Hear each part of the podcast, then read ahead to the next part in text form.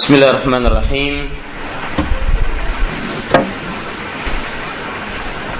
إن الحمد لله نحمده ونستعينه ونستغفره ونعوذ بالله من شرور أنفسنا وسيئات أعمالنا. من يهده الله فلا مضل له ومن يضلل فلا هادي له وأشهد أن لا إله إلا الله وحده لا شريك له وأشهد أن محمدا عبده ورسوله. يا أيها الذين آمنوا اتقوا الله حق تقاته ولا تموتن إلا وأنتم مسلمون. يا أيها الناس اتقوا ربكم الذي خلقكم من نفس واحدة وخلق منها زوجها وبث منهما رجالا كثيرا ونساء واتقوا الله الذي تساءلون به والأرحام إن الله كان عليكم رقيبا. يا أيها الذين آمنوا اتقوا الله وقولوا قولا سديدا يصلح لكم أعمالكم ويغفر لكم ذنوبكم ومن يطع الله ورسوله فقد فاز فوزا عظيما. أما بعد فإن أصدق الحديث كتاب الله وأحسن الهدي هدي محمد صلى الله عليه وعلى آله وسلم وشر الأمور محدثاتها وكل محدثة بدعة وكل بدعة ضلالة وكل ضلالة في النار. الحمد لله kita bersyukur pada Allah Subhanahu wa taala pada hari ini hari yang paling mulia dalam sepekan hari Jumat tanggal 5 Rajab 1436 Hijriah kita duduk bersama untuk mengkaji ayat-ayat suci Al-Qur'an dan hadis-hadis Rasul sallallahu alaihi wa ala wasallam. Salawat dan salam semoga selalu Allah berikan kepada Nabi kita Muhammad sallallahu alaihi wa ala wasallam pada keluarga beliau, para sahabat serta orang-orang yang mengikuti beliau sampai hari kiamat kelak. Dengan nama-nama Allah yang husna dan sifat-sifat yang mulia kita berdoa Allahumma a'inna ala zikrika wa syukrika wa husna ibadatik.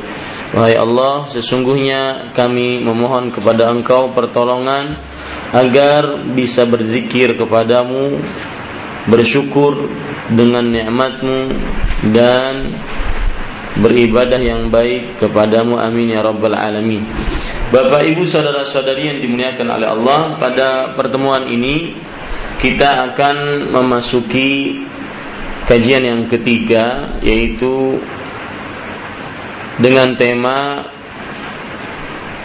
uh, Lebih mengenal dunia sihir dan perdukunan Kajian ini saya bagi menjadi lima sesi atau lima poin. Poin yang pertama bahaya sihir dan perdukunan. Yang kedua yaitu definisi sihir dan perdukunan. Yang ketiga yaitu eh, macam-macam sihir dan perdukunan. Yang keempat tanda-tanda tukang sihir dan dukun. Yang kelima yaitu membentengi diri dari sihir dan perdukunan. Mudah-mudahan lima ini dalam waktu sekitar satu jam lebih sedikit atau satu jam setengah atau mungkin saya minta waktu sampai dua jaman untuk bisa kita membahas lebih dalam. Baik, poin pertama yaitu bahaya sihir dan perdukunan. Yang pertama, sihir dan perdukunan orang yang melakukan ataupun berinteraksi dengan sihir dan dukun dan perdukunan atau yang semisalnya seperti santet, guna-guna, pelet, kemudian dukun, sihir dan semisalnya maka setelah disebutkan oleh Allah Subhanahu wa taala mereka ini tidak akan pernah beruntung ini yang pertama, bahaya sihir dan perdukunan yang berinteraksi dengan persihiran dan perdukunan tidak akan pernah beruntung, baik di dunia ataupun di akhirat. Allah berfirman dalam surat Yunus ayat 77, "Wala yuflihus sahirun." Artinya, orang-orang sahir, orang-orang tukang sihir, penyihir tidak akan pernah beruntung. Kemudian bahaya yang kedua yaitu orang yang belajar ilmu sihir atau yang dia berinteraksi dengan sihir, dukun, santet, guna-guna, pelet dan semisalnya maka bisa menyebabkan kepada kekufuran dan mengeluarkan dari agama Islam menyebabkan kepada kekufuran dan mengeluarkan dari agama Islam. Sebagaimana disebutkan oleh Allah Subhanahu wa taala dalam surah Al-Baqarah ayat 102. Allah Subhanahu wa taala berfirman, "Wa ma yu'allimani min ahadin hatta yaqula innama nahnu fitnatun fala takfur." Artinya dan kedua malaikat Habil dan uh, Marut dan Harut maksud saya, Marut dan Harut yang diutus oleh Allah Subhanahu wa taala sebagai ujian bagi manusia tidaklah mengajari kepada seorang pun sampai mereka berdua mengatakan sesungguhnya kami ini adalah ujian dari Allah Subhanahu wa taala. Maka janganlah kalian kufur. Maksudnya janganlah kalian kufur dengan belajar sihir ini atau dengan melakukan sihir ini. Ini bahaya sihir yang ke kedua, yaitu bahwa sihir bisa menyebabkan kepada kekufuran. Dan kekufuran di sini maksudnya adalah kufurun akbar, mukhrijun minal billah. Kekufuran yang mengeluarkan dari agama Islam, kekufuran akbar. Kemudian juga kalau kita perhatikan bahaya sihir yang ketiga yaitu sihir termasuk dosa-dosa yang membinasakan manusia. Maksud membinasakan di sini adalah membinasakan manusia uh, ada dua macam, membinasakan pahala-pahalanya sehingga pahalanya terhapus. Sehingga pahalanya terhapus. Kemudian membinasakan yang kedua yaitu membinasakan pelakunya sehingga dia dibinasakan di dalam api neraka. Hal ini berdasarkan hadis riwayat Imam Bukhari dan Muslim. Rasul Shallallahu Alaihi Wasallam bersabda, "Ijtanibus sab'al mubiqat." Jauhilah tujuh dosa yang membinasakan. Al mubiqat itu artinya membinasakan. Dan sudah saya jelaskan tadi arti membinasakan terbagi menjadi dua. Membinasakan yaitu membinasakan seseorang dengan cara pahala-pahalanya terhapus. Yang kedua, membinasakan pelaku dari tujuh dosa ini sehingga dimasukkan ke dalam nerakanya Allah Subhanahu wa taala. Para sahabat bertanya, "Qalu ya Rasulullah, wa ma hunna?" Wahai Rasul sallallahu alaihi wasallam, apakah itu? Artinya, apakah tujuh dosa yang membinasakan tersebut? Kemudian Nabi Muhammad sallallahu alaihi wasallam menjawab, "Asyirku billah was sihr." Artinya syirik kepada Allah Subhanahu wa taala dan mensyirik men, melakukan perbuatan sihir. Lihat di sini dari tujuh ini sihir menduduki kedudukan yang kedua.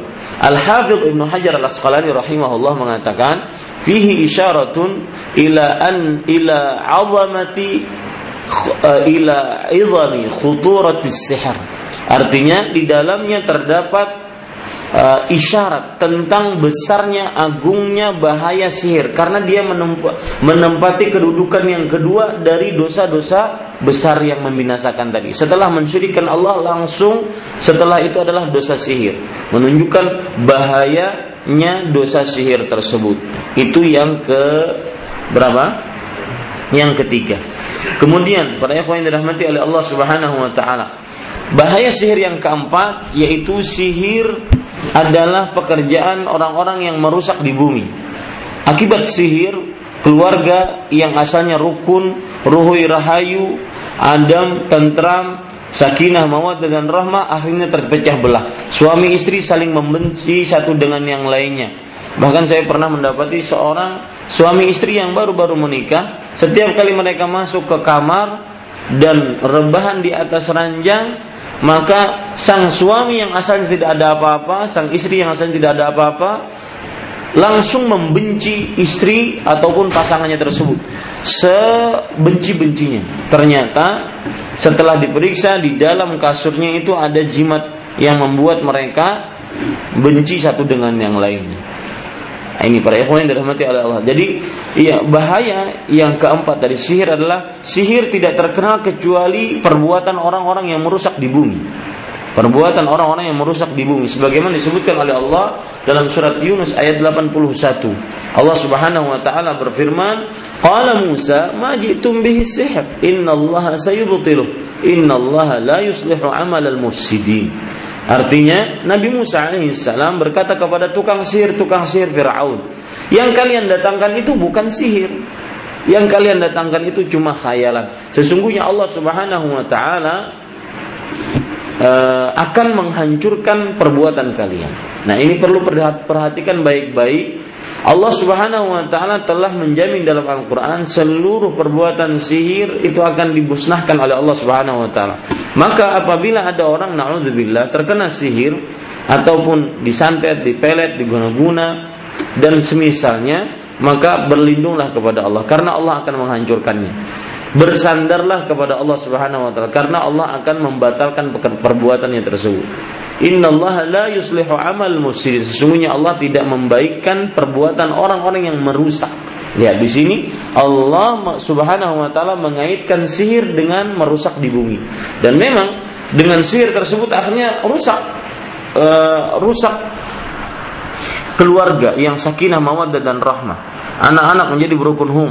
E, tidak ada lagi e, bapak yang bisa mengayominya ibu yang bisa mendidiknya dan semisalnya. Karena akibat sihir tersebut keluarga tercerai berai. Kemudian bahaya sihir yang selanjutnya yang keberapa?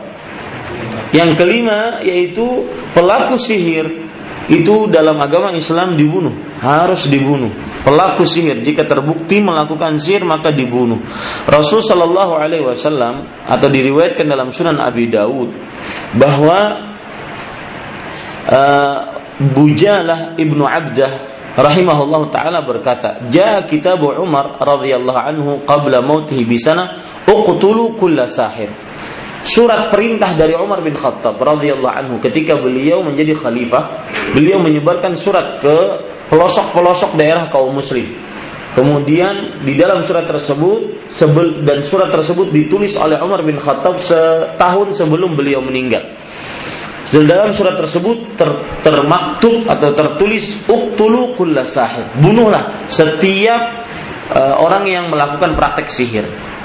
Ini bahayanya sihir bahwasanya pelakunya jika terbukti melakukan sihir dengan bukti-bukti yang nyata dan valid maka wajib dibunuh kalau seandainya negara tersebut melaksanakan syariat Islam.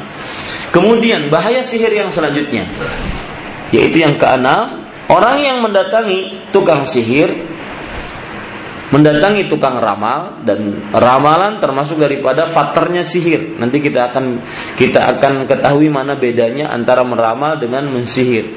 Ya, ramalan mendatangi tukang ramal termasuk di dalamnya di zaman sekarang ya e, seseorang sengaja menonton televisi yang di dalamnya acara-acara talk show atau variety show atau reality show yang menyebutkan tentang mendatangkan tukang ramal. Maka ini siapa yang menonton masuk ke dalamnya atau siapa yang sengaja menonton masuk ke dalamnya. Atau termasuk ke dalamnya juga orang yang uh, di zaman sekarang baru-baru ini muncul di media sosial memasukkan nama kemudian akan termaktub di situ. Misalkan namanya Firaun, kamu adalah maling, eh kamu adalah bagus, uh, mempunyai jiwa pemimpin. Firaun padahal iblis disebutkan maling di situ ditulis. Ini namanya ini ini termasuk daripada e, mendatangi tukang ramal. Masuk ke dalam hadis ini yaitu hadis riwayat Imam Muslim dari Sofiyah dari salah seorang istri Nabi Muhammad sallallahu alaihi wasallam bahwa Nabi Muhammad sallallahu alaihi wasallam bersabda, "Man ata arrafan an syai' lam tuqbal lahu salatun arba'ina lailah." Barang siapa yang mendatangi arraf, Arraf ini tukang ramal. Nanti saya akan jelaskan lebih dalam. Arraf ini tukang ramal. Lalu ia bertanya tentang sesuatu. Maksudnya tentang ramalan. Sesuatu yang berkaitan dengan ramalan. Maka niscaya tidak diterima darinya satu sholat pun selama 40 hari. Selama 40 hari. Maksud tidak diterima sholat tersebut bukan berarti boleh libur sholat. Ya, maksud tidak diterima sholat tersebut bukan berarti uh, dia boleh dikodok. Enggak, artinya sholatnya uh, gugur kewajibannya tapi tidak ada pahala. Nah ini jelaskan oleh Imam Nawawi rahimahullah taala.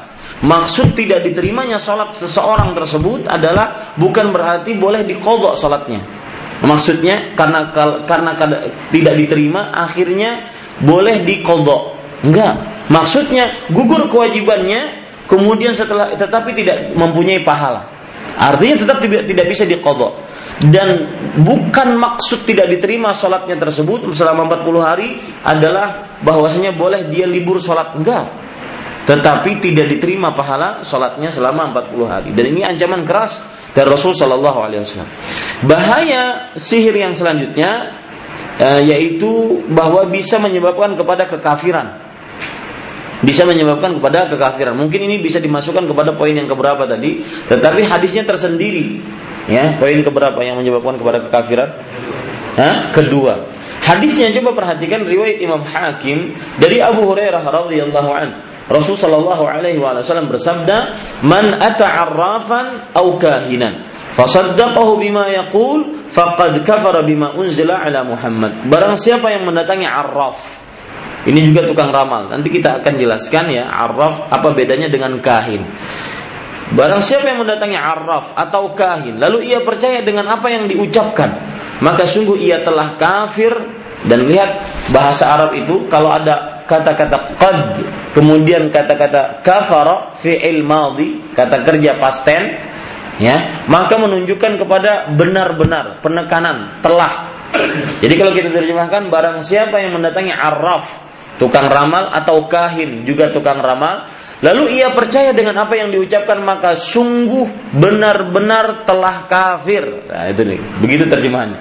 Sungguh benar-benar telah kafir dengan apa yang diturunkan kepada Nabi Muhammad sallallahu alaihi wasallam.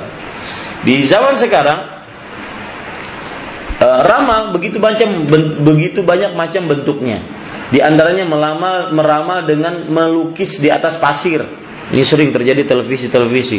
Di antaranya meramal dengan membaca garis tangan, telapak tangan. Bahkan saya pernah ditanya oleh sekolah elit di Jakarta bahwa uh, bolehkah kita membaca garis telapak tangan yang ada pada anak didik? Karena Menurut beberapa penelitian, garis tangan yang ada pada anak didik itu bisa kita mengetahui dengannya anak ini pendiam, anak ini uh, aktif, anak ini begini, anak ini begini.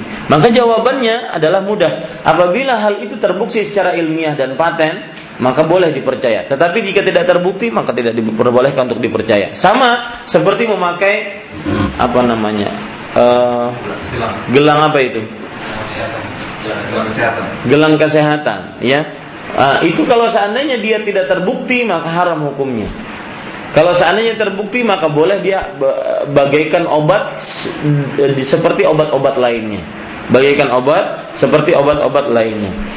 Apa yang dikafiri oleh orang-orang yang tidak orang-orang yang mendatangi tukang ramal ini yaitu Allah Subhanahu wa taala berfirman surat An-Naml ayat 65. Allah Subhanahu wa taala berfirman uh, Qul la ya'lamu man fis samawati wal ardil ghaiba illallah. Katakanlah tidak ada yang mengetahui akan hal gaib di langit dan di bumi kecuali Allah Subhanahu wa taala. Ini yang dikafiri oleh orang-orang yang percaya kepada tukang ramal. Tadi saya ingin menyebutkan salah satu jenis tukang ra eh, ramalan di zaman sekarang juga yang lagi booming di Indonesia dan diadopsi dari negeri Eropa, yaitu meramal dengan ampas kopi. Orang minum kopi itu ada ampasnya, ya. Setelah diminum dibuat kopi, kemudian entah mau diminum atau dibalik. Kemudian setelah itu ada ampasnya. Nah itu kalau seandainya ampasnya berbunga, ya, atau ada e, gambar apa namanya? Ini apa baju? Hah? Mis misdasa ya pokoknya yang seperti itu maka oh itu berarti oh, ada ada ramalan bagus lah gitu ya. Atau ada bunga kalau seandainya ada tanduk setan berarti buruk. Itu namanya kalau tidak salah taisiografi. Ya. Uh, saya pernah bahas itu karena saya pernah bikin video klip tentang itu tapi belum keluar Rasiografi yaitu meramal di zaman sekarang banyak sekali bentuk-bentuknya. Ada ramalan gaya Cina, ada ramalan gaya orang-orang Rusia dan semisalnya. Jadi itu adalah salah satu warisan orang-orang kafir yang diadopsi oleh sebagian kaum muslim naudzubillah ke dalam agamanya. Baik. Uh, yang dikafiri oleh orang yang meramal ini tadi surah An-Naml bahwasanya Tidak ada yang mengetahui akan hal gaib di langit dan di bumi melainkan Allah Subhanahu wa taala. Baik. Kemudian Bapak Ibu saudara-saudari yang dimuliakan oleh Allah, termasuk dari bahaya sihir, dukun, santet, guna-guna dan pelet termasuk ramal yaitu uh, Rasulullah SAW pernah bersabda tentang nusrah. Nusrah itu adalah mengobati orang yang kena sihir dengan sihir juga. Yang sekarang banyak di tengah masyarakat seperti misalkan mengobati amandel dengan memasukkan amandel tersebut ke dalam telur yang sudah dirajah-rajah. Ataupun memindahkan penyakit dari manusia ke kambing. Dan saya melihat langsung itu dengan kepala mata saya dengan mata kasat saya. Kasat mata saya langsung. Jadi kambing yang tidak ada dosa ya dimasukkan penyakitnya itu ke ke kambing. Dari dari manusia ke kambing dan dia sangat menderita setelah itu kambingnya tersebut. Nah, ini namanya disebut dengan nusrah, yaitu mengobati sihir dengan sihir, namanya nusrah. Rasul Shallallahu Alaihi Wasallam bersabda dalam hadis riwayat Imam Abu Dawud dari Jabir bin Abdullah radhiyallahu an, "Hiya min amali syaitan." Artinya nusrah mengobati sihir dengan sihir termasuk daripada perbuatan syaitan. Sama sekarang seperti misalkan di televisi-televisi acara e, mencari hantu Ya, misalkan ada orang kesurupan kemudian atau ada rumah ini dideteksi banyak jin. Kemudian dimasukkan jinnya satu-satu ke botol. Ini namanya nusrah, mengobati sihir dengan sihir. Ya, dan Rasulullah SAW bersabda hiya min amali syaitan. Dari sini kita ambil pelajaran bahwa termasuk bahaya sihir, sun, santet, dukun, pelet, guna-guna, termasuk ramal adalah termasuk daripada perbuatan syaitan. Itu yang keberapa? Sihir, santet, guna-guna termasuk daripada perbuatan syaitan. Kemudian ada hadis yang lain, yang keberapa? Yang tadi ketujuh. Sekarang yang kedelapan. Bahaya sihir dan perdukunan yaitu bahwa orang yang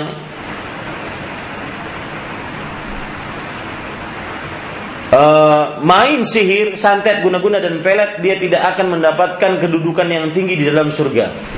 Artinya dia tidak akan masuk surga apalagi sampai mendapatkan kedudukan yang tinggi dalam surga. Hal ini berdasarkan hadis riwayat Imam At-Tabarani dari Abu Darda radhiyallahu an. Rasul sallallahu alaihi wasallam bersabda, "Lan yanala darajatil ula man takahhana aw istaqsama aw raja'a min safarihi tatayyuran." Barang uh, tidak akan pernah lan. Lan itu kata yang menunjukkan ketidakpernahan, never. Lan tidak pernah sama sekali dia akan mendapatkan kedudukan yang tinggi di surga. Barang siapa yang main sihir atau meramal uh, mengundi nasib, apa? Main sihir, mengundi nasib atau tidak jadi melakukan safar gara-gara mempunyai penya, me, merasa bernasib sial yang disebut dengan tiarah. Misalkan Orang sudah sampai eh, bapak-bapak misalkan ingin umroh, driving sendiri, ya sudah sampai mana perbatasan yang paling dekat biasanya ke mana? Ke Dubai dulu. Ke Dubai. Sudah sampai mau perbatasan, kayaknya perasaan nggak enak nih. Tadi melihat kucing ketabrak. Melihat padahal bukan dia yang nabrak, padahal melihat saja, melihat kucing ketabrak. Balik lagi, orang seperti ini dia tidak akan pernah dapatkan apa? uh, kedudukan yang tinggi di dalam surga. Ini bahayanya sihir, santet, guna-guna pelet. Termasuk sihir, santet dan guna-guna pelet adalah berarti yaitu tiara. Tiara itu merasa bernasib sial ketika melihat sesuatu, mendengar sesuatu atau mengetahui sesuatu. Misalkan di atas rumah ada burung hantu, wah ini pasti ada apa-apa. Ya. Kemudian di atas langit rumah kita ada gagak hitam berputar-putar, pasti ada yang meninggal di kampung tersebut. Ya. Kemudian uh, seorang suami tidak boleh memancing tatkala istrinya sedang hamil. Ya. Tatkala istrinya sedang hamil. Nanti merojol dia lagi asik mancing. Sebenarnya ada ada apa artinya ada solusi yang bisa kita ambil dari perkara itu. Akan tetapi yang tidak diperkenankan adalah ketika ada keyakinan yang di situ ada tasarruful kaun ada keyakinan yang di situ ada semacam rububiyah kekuasaan. Ini yang dilarang. Ya. Ini para ikhwan yang dirahmati. Itu namanya tatayur. Atau misalkan mau menikah, nanya dulu, nah tanggal lahir saya sekian, tanggal lahir calon istri saya sekian. Kalau kita menikah tanggal sekian, cocok enggak? Kata ustadznya enggak cocok, cocoknya nikah sama saya. ya, ini namanya tatayur. Ya, ini namanya apa? Tatayur. Maka Rasul SAW bersabda, "Lan yanala darajatil ula man takahhana aw istaqsama aw raja'a min safari tatayyuran. Tidak akan pernah mendapatkan kedudukan yang tinggi di surga barang siapa yang main sihir, ramal, mengundi nasib ataupun mengundi nasib itu bagaimana maksudnya, Pak? Mengundi nasib itu bagaimana maksudnya? Mengundi nasib. Ya, mengundi nasib itu semacam dia semacam ramalan juga. Jadi misalkan ada kancing pergi enggak, pergi enggak, pergi enggak, pergi. Nah, itu ngundi nasib namanya. Ya. Atau raja'a min safarihi tatayyuran. Dia pulang dari safarnya kembali enggak jadi safar gara-gara mempunyai sikap tatayyur. Ya, ini. Kemudian bahaya selanjutnya yang keberapa? Yang ke sembilan, yaitu uh, orang yang main sihir maka tidak akan masuk surga tidak akan masuk surga. Ya, dalam hadis yang diriwayatkan oleh Imam Ibnu Hibban dari Abu Musa Al-Asy'ari radhiyallahu an, Rasul sallallahu alaihi wasallam bersabda, "Thalathatun la yadkhuluna al-jannah, mudminul khamar wa qati'ur raham wa musaddiqun bis sihir." Enggak dingin? Eh, tiga orang yang masuk ke dalam surga, yaitu orang yang kecanduan minum khamar, memutuskan hubungan kekerabatan, dan percaya kepada sihir. Enggak masuk surga ini. Yang percaya saja kepada sihir tidak masuk surga. Kemudian yang terakhir, ya, bahaya dan keburukan sihir adalah orang yang melakukan kesihir sihir maka dia telah melakukan kesyirikan. Ya, telah melakukan kesyirikan. Lihat hadisnya diriwayatkan oleh Imam An-Nasai dari Abu Hurairah radhiyallahu an. Meskipun hadis ini lemah tetapi maknanya sahih. Nanti kita akan bahas pada poin-poin yang selanjutnya kenapa sihir, santet, guna-guna pelet dikategorikan perbuatan syirik, kemudian kekafiran dan mengeluarkan dari agama Islam. Kita akan bahas itu. Uh, Rasul sallallahu alaihi wasallam diriwayatkan bersabda, "Man 'aqada 'uqdatan thumma nafatha fiha faqad sahara wa man sahara faqad asyrak wa man ta'allaqa syai'an wukila ilaih." Barang siapa yang mengikat dalam ikatan pada buhul Kemudian dia jampi-jampi. Yaitu dia ludahin, dia jampi-jampi, dia baca-bacain. Maka sungguh dia telah berbuat sihir. Maka siapa saja yang Anda datangi, baik itu titelnya ustadz, kiai, habib, guru agama, tuan guru yang ngasih sesuatu yang diikat-ikat kemudian dibaca-bacain itu berarti telah melakukan sihir. Dan barang siapa yang melakukan sihir kata Rasulullah SAW, faqad asyrak, sungguh dia telah melakukan kesyirikan. Ini berapa bahaya berarti? Hah? 10 tepat ya 10 Taib. Bapak ibu saudara saudari yang dimuliakan oleh Allah Kita sekarang poin yang kedua Yaitu definisi dan pengertian beberapa istilah dalam sihir.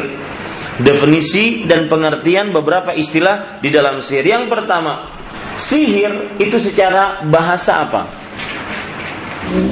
Ya? Secara etimologi bahasa. Adalah uh, ada mempunyai beberapa makna sihir secara etimologi. Yang pertama yaitu tipuan. Yang kedua yang tersembunyi. Yang ketiga jalan yang menyimpang. Yang keempat kelembutan. Yang kelima trik licik. Itu sihir secara bahasa. Nanti apa faedahnya kita akan membahas secara bahasa ini? Karena nanti kita akan bisa membedakan mana sihir yang diharamkan dan mana sihir yang merupakan cuma ketangkasan tangan. Misalkan uh, saya mempunyai gelas, ya, kemudian gelas itu saya dengan kecepatan tangan saya berubah menjadi uh, apa namanya bunga misalkan ya nah itu sulap apakah dia termasuk sihir atau tidak kita akan bisa tentukan itu kalau kita mengetahui makna sihir secara etimologi yaitu sihir yang pertama artinya tipuan tersembunyi kemudian menyimpang kemudian kelembutan, kemudian terik licik. Itu secara bahasa. Adapun secara istilah syar'i, sihir adalah perhatikan baik-baik, sihir adalah ikatan-ikatan yang dijampi-jampi. Atau tulisan-tulisan raja yang ditujukan kepada sebuah objek. Untuk memberikan pengaruh buruk kepadanya. Saya ulangi, sihir adalah ikatan-ikatan yang dijampi-jampi atau raja-raja Raja nanti kita akan lihat gambarnya. Raja itu tulisan-tulisan baik Arab, baik angka Arab, baik istilah-istilah yang khusus, baik gambar, ya gambar bintang, gambar bulan sabit, gambar uh, apa namanya ayam atau yang semisalnya. Itu disebut nanti sihir, ya apabila tujuannya kepada objek tertentu untuk memberikan pengaruh buruk. Pengaruh buruk yang dimaksud di sini apa? Rasa ingin berpisah, rasa ingin bercerai, rasa ingin bersatu, atau rasa ingin berkumpul. Itu termasuk daripada pengaruh buruk. Sang misalkan ada seorang lelaki melamar perempuan, perempuan menolak lamarannya. Lamaran ditolak, Dukun bertindak. Hah? Lamaran tolak, dukun bertindak. Ini adalah rasa cinta yang dihadirkan oleh sihir. Jadi sihir sekali lagi saya ulangi pengertiannya adalah yaitu apa tadi? E, ikatan yang dijampi-jampi atau raja-raja yang ditulis ditujukan kepada objek untuk memberikan pengaruh buruk. Pengaruh buruknya macam-macam. Rasa berpisah, rasa ingin bercerai, rasa ingin bersatu, rasa ingin berkumpul. Ini para ikhwan yang dirahmati itu adalah sihir. Jadi siapa pun yang menulis raja-raja, seperti misalkan ada orang sakit di sininya, kemudian ditulis raja, ya pada gelasnya, pada telurnya, kemudian telurnya dipecah. Persis seperti mungkin sebagian orang pernah uh, melihat uh, di berita-berita seperti itu dipecah, kemudian ada apa namanya uh, jarum, kemudian ada uh, telurnya, ada darahnya di dalamnya dan semisalnya. Maka ini raja yang melakukan itu tukang sihir, meskipun pakai jilbab, meskipun pakai jenggot meskipun jidatnya hitam, meskipun keturunan Nabi. Ya, jadi jangan tertipu. Ya, meskipun Gus, tuan guru, kiai, semiliar umat bukan urusan. Selama dia mengikat di buhul-buhul, misalkan ada eh, apa namanya ada jimat diikat di buhul-buhul kemudian dijampi-jampi atau menulis raja-raja maka itu adalah tukang sihir ya apa pun statusnya di masyarakat. Mau dipanggil ustadz tabib yang akhirnya jadi maling ya tetap saja itu disebut tukang sihir. Jangan jangan percaya sama sekali. Dan dalam agama Islam tidak ada yang dikenal dengan tukang sihir atau e, kalau seandainya tulisan tersebut berasal dari kiai ya raja-raja itu berasal dari ustadz tuan guru maka disebut sihir putih atau ilmu putih kalau seandainya berasal dari uh, uh, dukun, tukang sihir, maka disebut ilmu hitam. Apalagi kadang-kadang kita dicekoki dengan film-film yang menggambarkan tukang sihir kalau zaman dahulu itu ya rambut keriwil panjang, gigi ompong, mata satu picek, di hadapannya ada kemenyan. Wah, tukang sihir itu. Tapi di zaman sekarang ya pakai peci, surban, mungkin pakai baju gaya-gaya oman begini. Ya. Tapi tukang sihir. Bahkan dulu sekarang mungkin pakai laptop dan semisal. Tukang sihir. Kalau dia praktek anda lihat prakteknya apa. Ini pada yang dirahmati oleh Allah Subhanahu wa taala. Salah satu dalil yang menunjukkan hmm, sihir secara bahasa adalah tadi saya belum sebutkan salah satu dalil yang menunjukkan bahwa sihir artinya secara bahasa yaitu penipuan tersembunyi, menyimpang, kemudian kelembutan, kemudian uh, apa lagi? Uh, terik licik itu yaitu surat Al-A'raf ayat 116. Allah Subhanahu wa taala berfirman, "Saharu a'yunan nas." Artinya mereka mensihir, menipu mata-mata manusia. Saya pernah diceritakan dulu waktu di Damam. Bismillah. Kawan saya seorang dai dari negara Bangladesh jadi orang-orang pada kumpul di lapangan begitu luasnya menunggu seorang tukang sihir. Dia terlambat satu jam, kemudian orang-orang pada marah sama dia. Terlambat dan semisalnya. Dia minta, dia katakan saya tidak terlambat, cuma kalian yang salah melihat jam. Akhirnya semua orang yang di lapangan tersebut yang memakai jam disuruh melihat jam. Semuanya sesuai dengan apa yang sudah dijanjikan bahwasanya dia tepat waktu. Ini menipu mata manusia. Ya, menipu mata manusia dan itu juga yang terjadi kepada tukang sihirnya Firaun. Nanti saya akan ceritakan lebih dalam lagi. Ketika tukang sihir Firaun melempar, qala bal alqu kata Nabi Musa alaihi salam. Silahkan kalian lemparkan. Yang dilempar itu adalah eh, tali-tali uh, kecil. Bagi manusia yang matanya tidak tertipu, maka itu tetap tali yang tidak bisa bergerak. Tetapi ketika mata orang tersebut tertipu, maka itu adalah dianggap sebagai tali yang bergerak-gerak menuju Nabi Musa. Ini namanya tipuan, ya, yaitu sihir yang dalam arti etimologinya tipuan, tersembunyi, menyimpang, kelembutan, dan trik licik. Sekarang salah satu istilah yang berkaitan dengan ilmu sihir, santet, guna-guna dan pelet serta tukang ramal, yaitu Tadi sudah ya sahir, tukang sihir artinya yang tadi sudah kita sebutkan. Tinggal disebutkan di depannya saja pelaku orang yang mengikat di buhul-buhul dan di jampi-jampi. Tinggal tambahi pelakunya saja. Itu namanya sahir, penyihir. Ini istilah pertama. Istilah kedua yaitu kahin. Kahin itu apa? Dikatakan oleh Imam Al-Baghawi rahimahullah dalam kitab beliau Syarhus Sunnah. Kahin adalah huwa alladhi yukhbiru 'anil kawain fi mustaqbaliz zaman. Kahin adalah seorang yang memberitahukan tentang keadaan alam yang akan datang. Itu kahin. Ini lebih detil, lebih rinci. Seorang yang mengaku mengetahui akan hal gaib yang akan datang. Misalkan saya mau mau, mau beli motor second.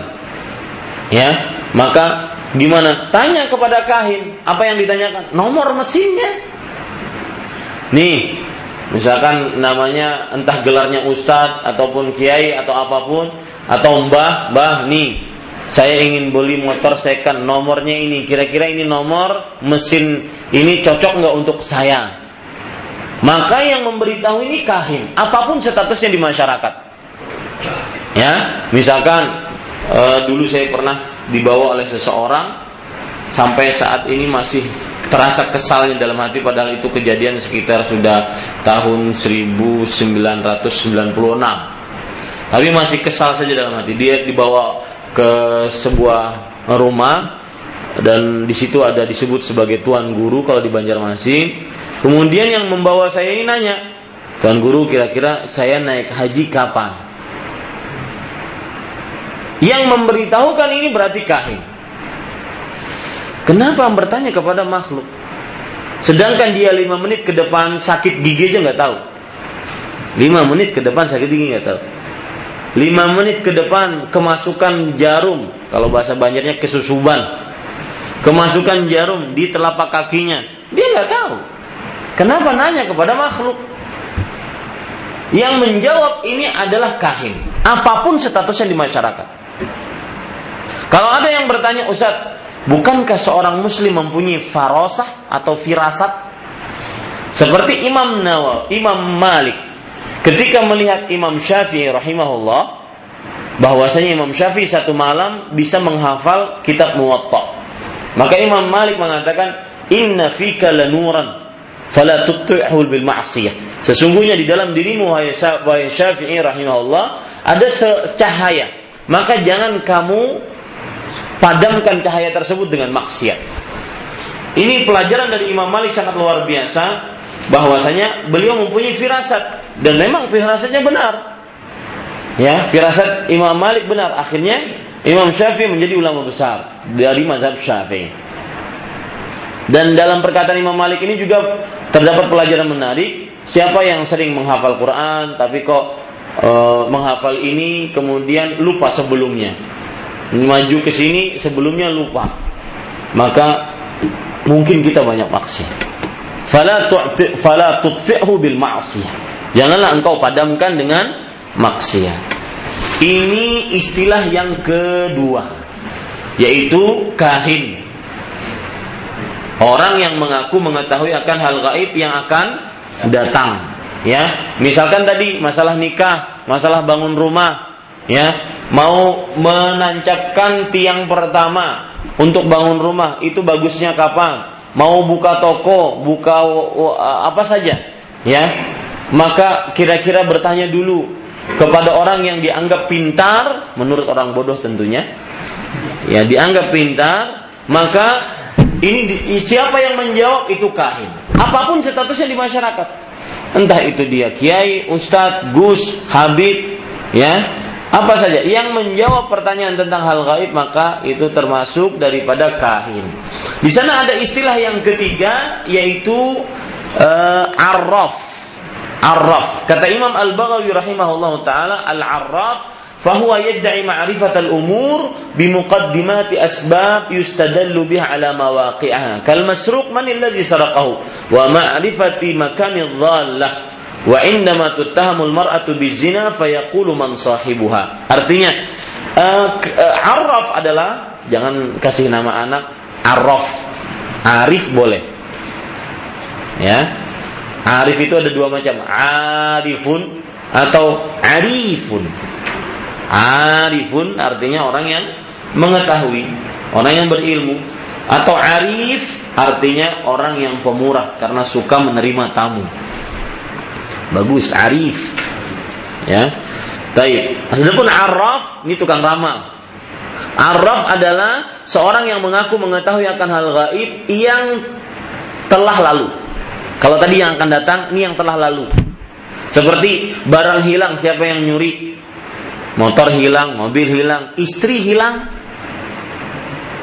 Siapa yang nyuri? Ya. Kemudian uh, tersesat di sebuah tempat, Kemudian uh, ketika seorang perempuan dituduh berzina, tidak ada yang mengaku mengetahui akan hal gaib, maka pada saat itu nanya kepada kepada siapa? Arraf yang mem, yang memberitahu seperti ini untuk kejadian-kejadian yang telah lalu, maka ini disebut dengan Arraf. Ya, ini para ikhwan yang dirahmati oleh Allah Subhanahu wa taala. Baik, Bapak Ibu saudara-saudari yang dimuliakan oleh Allah Subhanahu wa taala, sekarang poin yang ke Tiga. Apa poin ketiga? Hah? Poin ketiga. Apa poin ketiga? Macam-macam sihir. Sebelum macam-macam sihir, saya ingin menegaskan dulu, sihir itu benar adanya.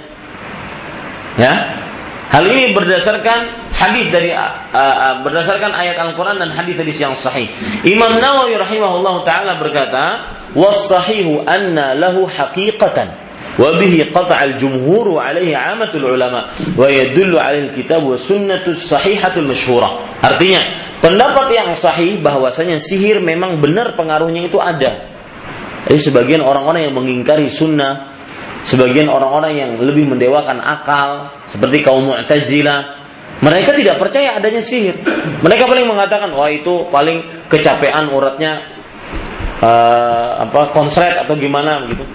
Dia tidak percaya kalau seandainya ada sihir. Ya, maka Imam Nawawi mengatakan pendapat yang paling kuat bahwa sihir mempunyai pengaruh, benar ada pengaruhnya. Dan inilah pendapat yang ditegaskan oleh jumhur dan kebanyakan para ulama. Dan pendapat inilah yang ditunjuki oleh Al-Quran dan hadis yang sahih dan masyhur. Sekarang kita harus memiliki dalil. Apa dalil dari Al-Quran bahwasanya sihir itu benar adanya, memberikan pengaruh. Yaitu misalkan kita ambil dalil dari surat Al-Baqarah ayat 102. Jadi mungkin ini poin ketiga, ya kita ganti poinnya. Poin ketiga itu apakah memang benar sihir itu ada? Maka jawabannya iya. Dalilnya pertama surat Al-Baqarah ayat 102. Allah Subhanahu wa taala berfirman uh, surat Al-Baqarah ayat 102 ini agak panjang saya ambilkan yang inti pendalilannya yaitu Allah Subhanahu wa taala berfirman, "Fayata'allamuna minhuma ma yufarriquna bihi bainal mar'i wa zawjihi wa ma hum bidarrin bihi min ahadin illa biidznillah." Artinya, maka manusia belajar dari dua malaikat tadi. Siapa malaikat yang mengajari sihir? Harut dan Marut. Manusia belajar dari dua malaikat tadi tentang sihir yang memisahkan antar suami istri memisahkan antar suami istri. Lihat kata Imam Ash-Shawkani rahimahullahu taala di dalam kitab beliau Tafsir Faidul Qadir. Ya. Ini sekarang kita mengucapkan ayat surah Al-Baqarah ayat 102 itu untuk dalil apa, Pak? Apakah sihir itu apa? Ada. Ya dalilnya surah Al-Baqarah ayat 102. Lihat penjelasan Imam Syaukani. Fi isnadit tafriq ila sahara wa ja'ala as-saharata sababan lidzalik dalilun ala anna lis-sihri ta'thiran fil qulub bil hubbi wal bughdi wal jam'i wal furqa wal qurbi wal bu'd. Artinya Ketika kita baca ayat tadi, maka orang-orang belajar ilmu sihir yang dengan ilmu sihir tersebut, ya lihat, yang dengan ilmu sihir tersebut, maka terpisahlah suami istri. Kata Imam Asyaukani, ayat tersebut menjelaskan kepada kita ketika terpisahnya suami istri gara-gara sihir menunjukkan memang sihir mempunyai pengaruh. Saya ulangi perkataan Imam Imam Syaukani. Kalau kita perhatikan ayat kata beliau bahwa sihir yang memisahkan antara suami istri menunjukkan bahwasanya sihir adalah eh, mempunyai apa? Pengaruh yaitu memberikan pengaruh kepada hati dengan rasa benci, rasa dengki, rasa e, rasa murka, rasa ingin bersatu, rasa ingin berpisah, rasa ingin dekat, rasa ingin jauh.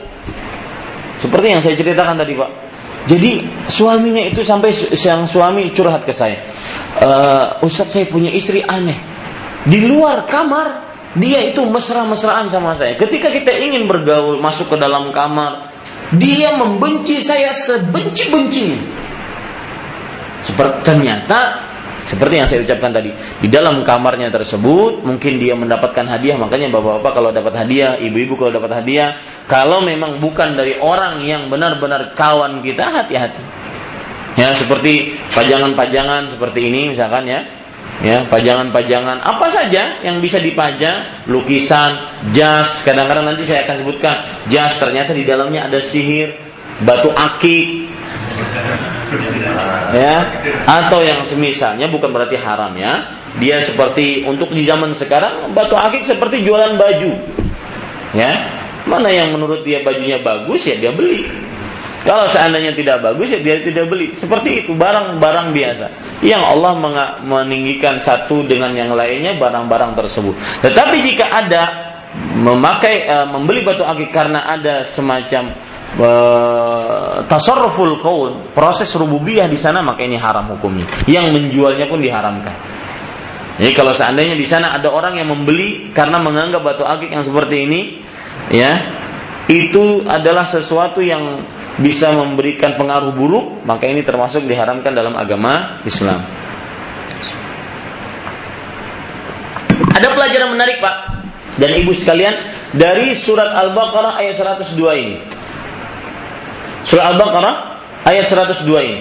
Yaitu perhatikan baik-baik saya sebelum ke Oman eh, pekan sebelum ini saya ngisi kajian di Jakarta dengan judul di balik perceraian di balik perceraian. Salah satu poin yang saya bahas tatkala di balik perceraian adalah eh, apa bahaya dan buruknya perceraian.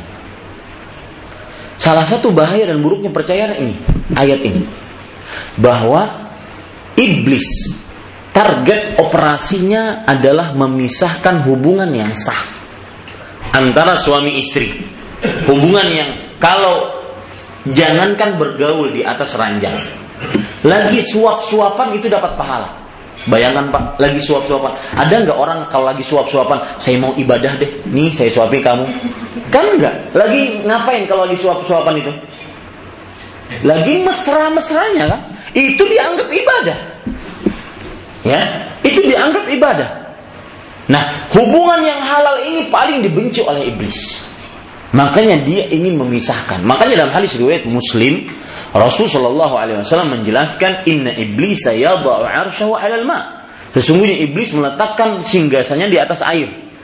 Thumma yaw'asu tharaya. Kemudian iblis mengutus pasukannya. Pasukannya. A'zamuhum manzil a'zamu uh, adnahu manzilatan a'zamuhum fitnah. Pasukan iblis yang paling dekat kedudukannya dengan iblis ya uh, mungkin jenderalnya iblis atau orang yang paling dekat dengan iblis adalah yang paling besar godaannya. Godaan yang paling besar itu bagaimana? Datang satu pasukan menga, menga, me, melapor kepada iblis. Uh, Laqad fa'altu kada wa kada. Saya telah melakukan ini, mengganggu ini, mengganggu ini. Kata iblis, "Ma fa'alta syai'an." Kamu belum mengerjakan sesuatu. Balik lagi ganggu manusia. Itu disebutkan dalam hadis riwayat Muslim. Ada yang datang Orang ini melapor kepada iblis, ma taraktuhu hatta farraqtu bainahu wa baina imraati. Tidaklah aku tinggalkan dia lelaki ini kecuali telah aku pisahkan dia dengan istrinya. Lihat, target operasi iblis, TOP-nya iblis adalah menjadikan hubungan yang halal menjadi haram.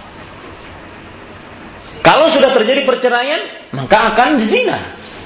Karena sang suami ingin melampiaskan hawa nafsunya, istri juga ingin melampiaskan hawa nafsunya sebagaimana yang dia rasakan sebelum e, terjadi perceraian tersebut. Ini yang ditargetkan oleh iblis. Nah, target operasi ini pun menitis kepada titisan-titisan iblis. Siapa titisan-titisan iblis? Tukang sihir. Makanya ilmu yang pertama kali dipelajari oleh tukang sihir fayata'allamuna ma yufarriquna bihi bainal mar'i wa zawji. Maka mereka belajar dari dua malaikat tersebut sihir yang memisahkan antara suami istri. Itu target operasi. Makanya saya katakan sering kepada mungkin yang suami istri sering bertengkar ataupun bahkan lebih dari itu sudah di ujung tanduk. Maksudnya sebentar lagi perceraian. Ya, sudah mungkin uh, tidak mau tidur lagi seranjang dan semisalnya, maka Ingatlah bahwasanya itu target operasi iblis. Dan kita diwajibkan untuk bermusuhan dengan iblis bukan malah menemaninya. Salah satu bentuk permusuhan kita dengan iblis adalah menjadikan iblis sedih, kemudian menangis, lari terbirit-birit. Jangan sampai menjadikan iblis tertawa, senang, riang gembira, ya seperti yang di, terjadi pada hadis tadi Ketika iblis yang uh, syaitan mengaku menga, melapor tadi, aku tidak tinggalkan dia kecuali telah aku pisahkan dia dengan istrinya. Maka iblis langsung memeluk. Disebutkan dalam hadis riwayat Muslim, langsung memeluk pasukan tersebut dan mengatakan ni'ma anta. Artinya engkau adalah pasukanku paling terbaik. Maka jangan sering-sering uh, sedikit-sedikit uh, marah-marahan dengan istri, sedikit-sedikit nggak ngobrol dengan istri. Jangan ya karena itu termasuk target operasi iblis. Taib para ikhwan yang dirahmati oleh Allah Subhanahu wa taala. Kemudian dalil yang lain yang menunjukkan bahwa uh, sihir itu mempunyai pengaruh dan benar adanya. Ya, jadi santet guna-guna pelet apalagi dan namanya jelek-jelek ya. Santet, pelet, guna-guna, tenung, jadi diucapkan aja jelek. Sama seperti sifat yang lain, misalkan bakhil, bakhil, kikir, pelit, medit. Bahasa Betawinya koret, bahasa Banjarnya engken, bahasa bahasa Malang apa? Medit. Ya, bahasa saya pernah uh, ceramah di Jawa Tengah di Gunung Kidul. Cetil. Kan jelek itu. Ya melafatkannya sih jelek. Ya. Maka bapak ibu saudara saudari sama sihir juga begitu. Sihir dukun santet guna-guna pelet ya. Kenapa dia babi ngepet? Ya jelek kan? Ya jelek itu. Ken, uh, dia mempunyai pengaruh hakiki. Ya, dalilnya di antaranya adalah surat Al-Falaq. Nah, surat Al-Falaq ini banyak pelajaran di dalamnya. Lihat, perhatikan baik-baik. Allah berfirman, "Qul a'udzu birabbil falaq." Katakanlah wahai Muhammad, aku berlindung dari Rabb Al-Falaq. Min syarri ma khalaq. Dari keburukan yang tercipta. Wa min syarri ghasiqin idza waqab. Dan dari waktu malam jika telah menyelimuti. Wa min syarri naffatsati fil 'uqad dan dari keburukan wanita-wanita peniup di buhul-buhul, di ikatan-ikatan. Ya, wanita-wanita peniup di buhul-buhul. Ini menunjukkan kepada definisi yang kita sebutkan tadi. Sihir atau penyihir adalah yang meniup di buhul-buhul, diambilkan dari ini. Maka mungkin Bapak boleh tambahkan ketika berbicara tadi tentang definisi di awal tadi, ya, Dalilnya surat Al-Falaq, tulis begitu. Dalilnya surat Al-Falaq. Karena min syarri naffatsati fil 'uqad wa min syarri hasidin idza hasad. Uh, dari mana sisi pendalilannya? Bahwasanya sihir mempunyai pengaruh. Benar-benar ada pengaruhnya. Lihat perkataan Imam Ibnu Qudamah dalam kitab beliau Al-Mughni, "Walaula anna sihra lahu haqiqah lama amara Allah bil isti'adati minhu." Artinya, kalau seandainya sihir tidak mempunyai pengaruh, tidak memberikan pengaruh buruk, tidak ada hakikatnya, maka mustahil Allah memerintahkan kita untuk minta perlindungan dari sihir. Karena dia ada pengaruh buruknya, maka begitulah kita diperintahkan untuk meminta perlindungan. Jadi Pak, dalilnya surat Al-Falaq. Pendalilannya tadi kayak begitu. Jadi di dalam agama dalam mempelajari agama itu ada dalil, ada pendalilan. Ya, dan dua-duanya harus sahih. Taib Bapak Ibu saudara-saudari yang dimuliakan oleh Allah Subhanahu wa taala yang jelas Bapak Ibu saudara-saudari yang dimuliakan oleh Allah bahwa sihir itu benar adanya dan benar pengaruhnya ada. Sekarang kita masuk kepada sebelum masuk saya tadi ingin mengambil faedah dari surat Al-Falaq. Ada sedikit menarik surat Al-Falaq itu. Lihat ayat yang ter yang terakhir wa min syarri hasidin idza hasad. Dan aku berlindung dari keburukan orang yang hasad jika dia hasad. Para ulama tafsir menjelaskan Kenapa sifat hasad diakhirkan? Karena beliau uh, para ulama tafsir mengatakan anna fihi jima'u kulli syarr.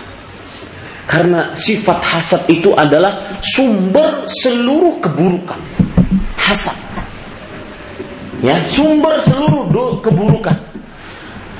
Oh, uh, maksiat yang pertama kali terjadi di langit dilakukan oleh siapa? Iblis karena hasad kepada Adam. Dosa pertama kali di bumi dilakukan oleh siapa? Habil kepada Qabil. Terbalik nggak? Yang membunuhnya siapa? Qabil. Yang terbunuhnya siapa? Habil. Untuk mudah mengingatnya, dalam bahasa Arab pembunuh itu qatil. Qaf dulu, qatilun. Ya. Maka membunuhnya adalah qabil, qaf juga. Agar mudah mengingatnya. Enggak ter apa? Tidak tertukar. Habil yang terbunuh. tadinya Qabil itu karena diterima kabur. Enggak. Qabil itu yang yang membunuh. Ya, Habil yang terbunuh. Ah, kenapa Kenapa dibunuh Habil? Karena hasad. Habil yang e, ketika diperintahkan untuk bersedekah, dahulu bersedekahnya itu dengan onta, dengan hewan-hewan. Dia dan dahulu di zaman mereka kalau sedekahnya itu diterima langsung terbakar oleh api sendiri. Oh berarti sedekahnya itu diterima. Berarti yang tidak terbakar oleh api nggak diterima. Jadi meng, mengetahui mana amalan yang diterima mana yang enak ya begitu ya. Enak nggak? Hah? Perlu nggak kita mengetahui amal kita diterima atau tidak? Perlu. Ada sisi negatifnya. Ini sedikit menyimpang. Ya. Kenapa di dalam hadis-hadis Rasul, di dalam ajaran Islam secara umum, baik ayat Al-Quran ataupun hadis Rasul Shallallahu Alaihi Wasallam, tidak disebutkan tanda orang diterima amal, tanda orang diterima sholat, tanda orang diterima puasa, tanda orang mendapatkan Lailatul Qadar, nggak ada. Yang ada tanda Lailatul Qadar. Adapun tanda mendapat Lailatul Qadar tidak ada ya dan tidak benar kalau seperti yang dulu waktu kecil saya diceritakan dapat Lailatul Qadar ada cahaya dari langit masuk ke, ke, ke kemudian kena tubuhnya. Yang dulunya peminum kemudian jadi tabib. Ya? Dalam satu malam dari orang soleh dalam satu malam. Ini enggak enggak ada tanda amalan diterima dalam Islam itu enggak ada. Nah ini perkara penting ini perkara hati. Saya sering mengupas dari sisi sini untuk mengajak orang-orang beribadah dengan hati. Imam Nuqayyim rahimahullah taala berkata bahwa a'malul qulub a'zamu a'malul batin afdalu min a'malil zahir. Amalan batin hati itu lebih utama dibandingkan amalan lahir. Seperti masalah ini. Kenapa di dalam agama Islam tidak ada kita merasa eh, apa tanda diterimanya sholat Misalkan sekarang Bapak Ibu nuntut ilmu. Kenapa tidak ada tanda ilmu eh, apa amalan menuntut ilmu diterima? Salah satu sebabnya adalah agar kita tidak ujub dengan amal yang dengan sifat ujub nanti akan memberikan penyakit baru yaitu satu meremehkan dosa yang kedua malas ibadah oh, udah diterima sholat saya Misalkan saya beri contoh, kalau seandainya seperti di zaman Nabi Adam tuh, Habil diterima kurbannya, yaitu dibakar, uh, akhirnya kurbannya termakan api, berarti Allah menerima.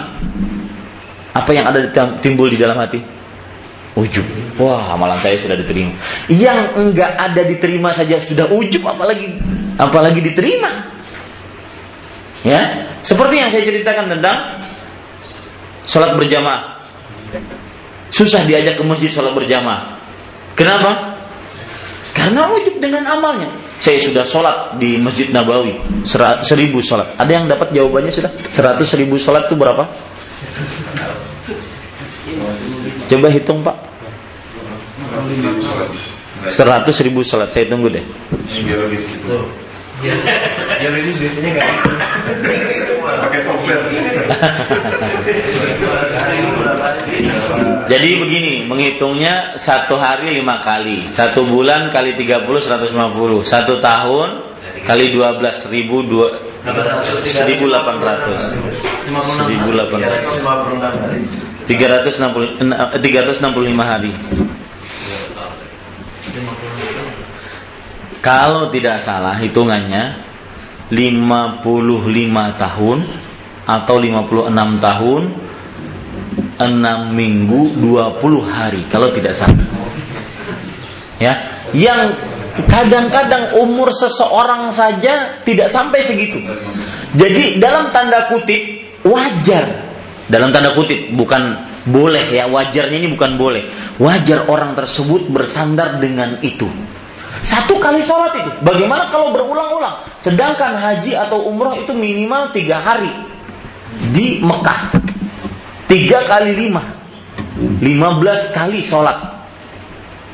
Satu kali takbiratul ihram seratus ribu sholat. Subhanallah.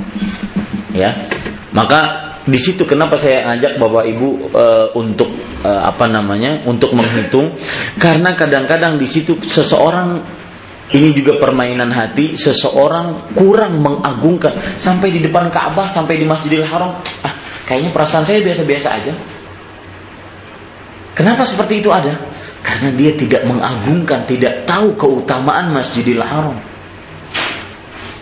Tidak tahu keutamaan tanah suci Masjidul Ka'bah disebutkan dalam hadis Rasulullah SAW ada orang bahkan kadang-kadang dalam di di depan Ka'bah biasa aja.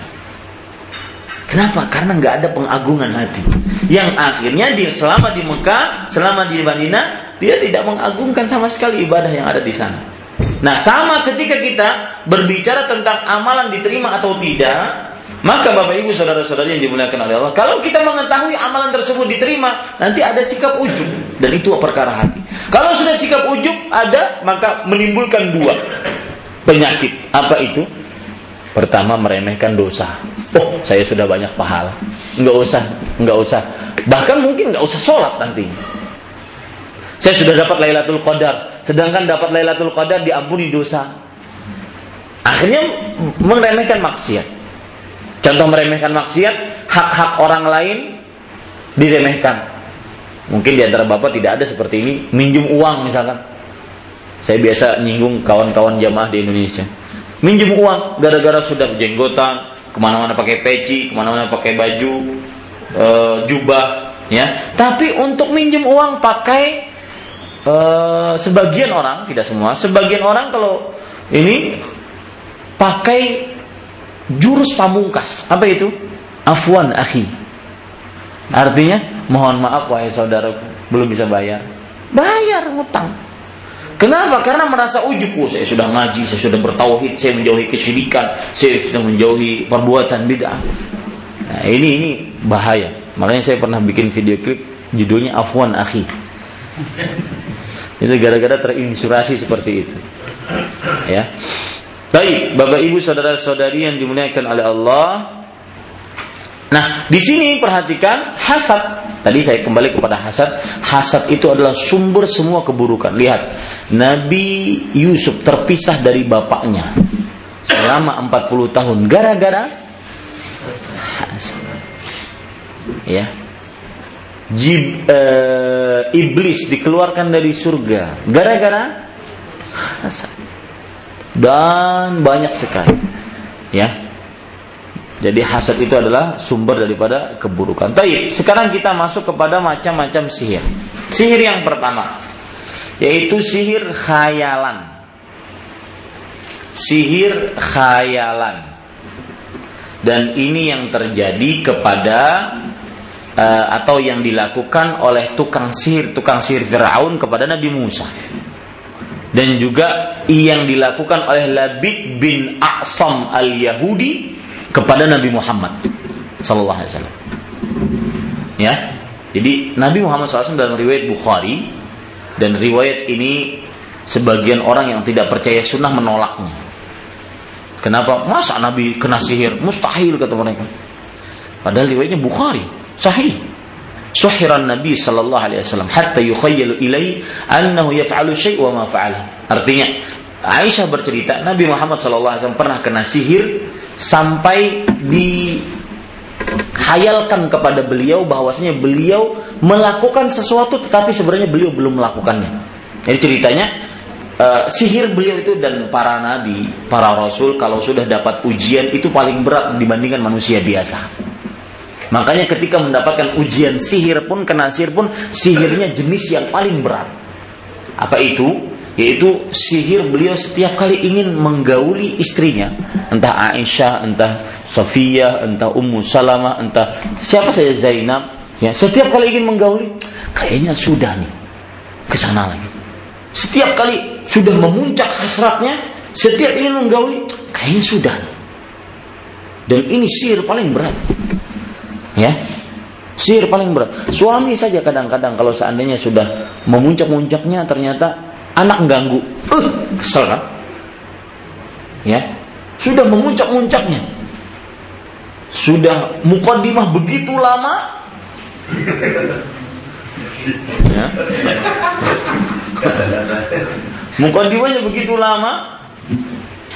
Uh, kemudian pas lagi memuncak-muncaknya datang anak ba ba nggak jadi itu begitulah yang dilakukan Rasulullah SAW sihir yang paling berat.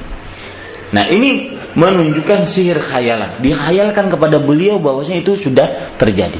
Sama dihayalkan kepada Nabi Musa bahwasanya tali-tali yang dilemparkan itu adalah ular-ular yang bergerak menuju beliau Nah, ingin mengetahui cerita itu, cerita tentang sihir hayalan atau dalil dari sihir hayalan, silahkan lihat surat Al-A'raf ayat 113 sampai 120, kemudian surat Asy-Syu'ara ayat 41 sampai 48, kemudian surat Toha ayat 65. Ya, itu dalil dari sihir hayalan. Al-A'raf 113 sampai 120. Kemudian surat Asy-Syu'ara 41 sampai 48. Kemudian surat Toha ayat 65. Ada yang menarik Pak dari ayat-ayat ini.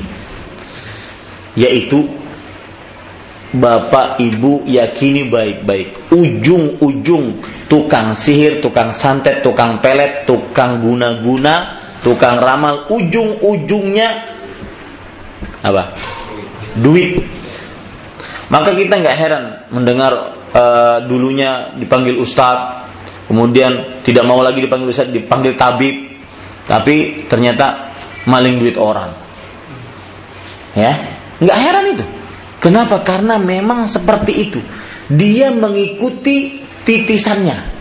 Siapa titisan? Tukang sihir Fir'aun. Lihat ya, saya bacakan uh, beberapa ayat di antaranya surah Al-A'raf ayat 113, 120. Allah berfirman, "Wajah as-saharatu Fir'aun, qalu inna lana la ajran in kunna nahnul ghalibin." Artinya, Datanglah tukang sihir, tukang sihir yang disewa oleh Firaun. Mereka mengatakan kepada Firaun, "Apakah kami akan mendapatkan imbalan kalau kami menang melawan Musa?" Lihat, ujung-ujungnya apa? Imbalan, duit. Ya. Lihat yang lain lagi eh, dalam surat Syu'ara ayat 41 sama juga. Falamma ja'a as-saharatu qalu li fir'aun, "A inna lana la ajran in kunna nahnul ghalibin?" Ketika tukang sihir tukang sihir Firaun datang, mereka mengatakan kepada Firaun, "Apakah kami mendapatkan imbalan jika kami menang?" Terus seperti itu. Jadi jangan heran, Pak. Ya. Dan saya katakan baik itu benar-benar tukang sihir ataupun tukang sihir palsu gadungan. Maka ujung-ujungnya duit. Saya pernah melihat sebuah video tukang sihir yang insaf, tapi tukang sihir ini gadungan. Nanti kita akan mempelajari tanda-tanda tukang sihir asli dan kita akan lihat contohnya di video. Ini ibu-ibu bisa lihat. Oh dilihat ya, iya. Uh, tukang sihir asli. Ada yang palsu. Perhatikan yang palsu ini, Bapak, Ibu, saudara-saudari yang dimuliakan oleh Allah. Saya pernah melihat sebuah video tukang sihir insaf taubat. Tapi dia palsu. Di Afrika ceritanya saya itu kata dia, saya bukan, saya tidak memiliki hubungan dengan ilmu sihir. Cuma orang-orang meyakini saya bisa menyembuhkan. Itu pun gara-gara pernah suatu kali saya meminum sesuatu, kemudian ada orang sakit di samping saya minumkan, ternyata dia sembuh. Itu sekali gitu aja. Nah, sekarang saya jadi tukang sihir. Pernah suatu ketika, lihat ujung-ujungnya duit ya. Pernah suatu ketika klub sepak bola di Afrika banyak klub sepak bola datang kepada saya ingin minta dirajah agar menang ketika main sepak bola. Saya katakan mau dirajah di mana? Di punggung dengan di kaki. Dirajahlah di situ, ditulis-tulis. Ya, di punggung dan di kaki. Kemudian setelah itu dikasih setengah imbalannya. Nanti kalau setengah lagi kapan menang? Ya, kapan menang bertanding maka dikasih setengah. Akhirnya mainlah klub tersebut. Kalah Pas main kalah. Datanglah klub tersebut semuanya, kemudian pengurus-pengurusnya marah-marah kepada tukang sihir tersebut. Kepada tukang sihir tersebut. Tukang sihir tidak kalah pinter. Sebentar, kalian jangan marah-marah sama saya. Ceritakan dulu, kalian itu kalahnya bagaimana? Maka diceritakanlah bahwa kami kalah pada menit terakhir dengan sundulan kepala. Oh, berarti bukan salah saya. Kenapa? Karena sekalian minta dirajah cuma di badan dan di kaki, kepala enggak.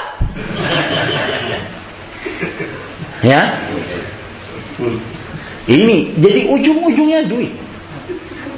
Ini para ikhwan yang dirahmati oleh Allah Subhanahu wa taala. Contoh yang lain. Ujung-ujungnya duit ya.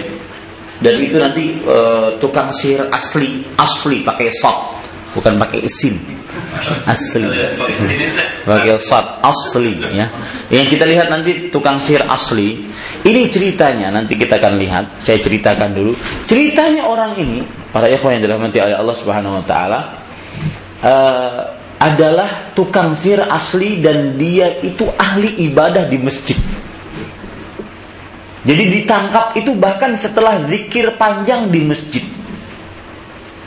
Maka ketika ditangkap oleh kalau di Arab Saudi ada namanya Hayatul Amri bil Ma'ruf wan Nahi anil Munkar. Polisi keagamaan amar ma'ruf nahi munkar. Resmi secara negara. Saya tidak mengetahui ada di dunia polisi itu selain di Arab Saudi. Ya, adapun di Indonesia mungkin kelompok-kelompok tertentu tidak resmi secara negara. Ya, kalau di sana resmi di bawah negara. Jadi mempunyai divisi khusus. Kalau di Indonesia ada komisi pemberantasan korupsi. Di sana ada komisi nahi mungkar.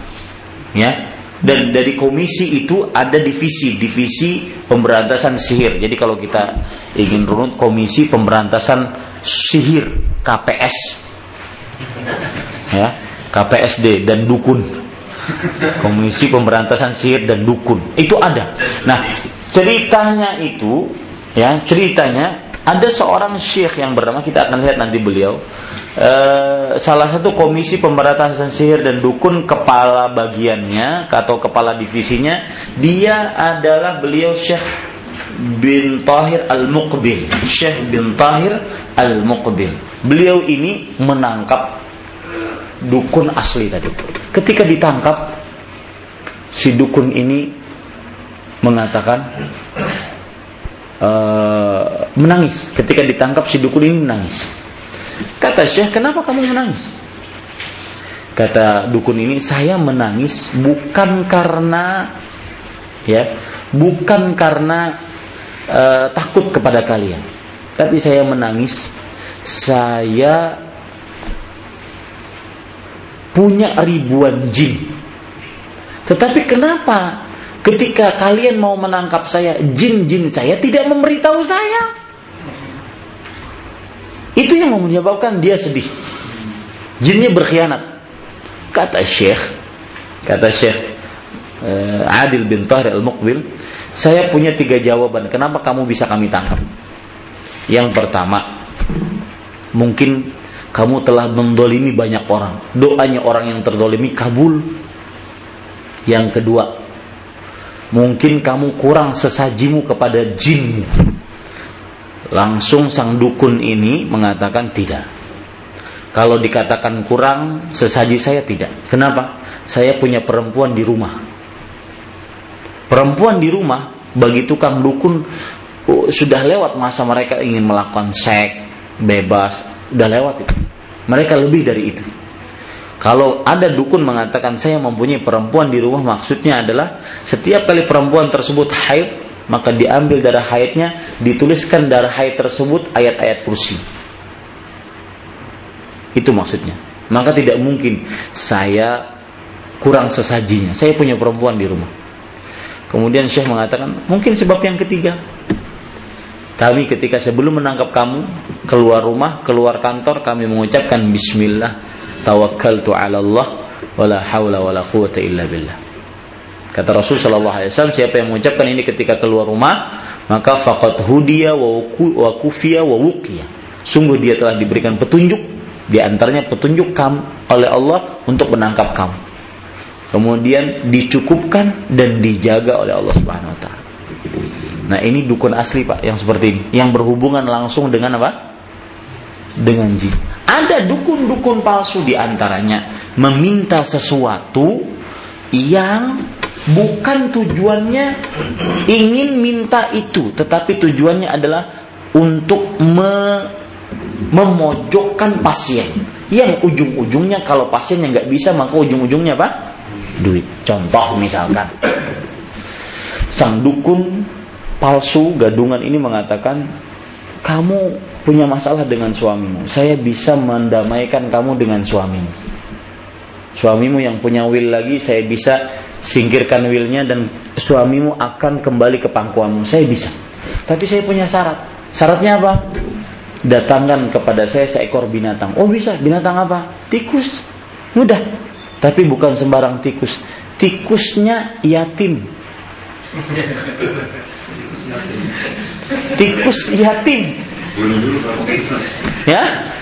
Kalau tikus yatim kita harus tahu kalau dalam bahasa agama, bahasa Al-Qur'an dan hadis, yatim itu adalah anak yang meninggal bapaknya dan dia belum balik.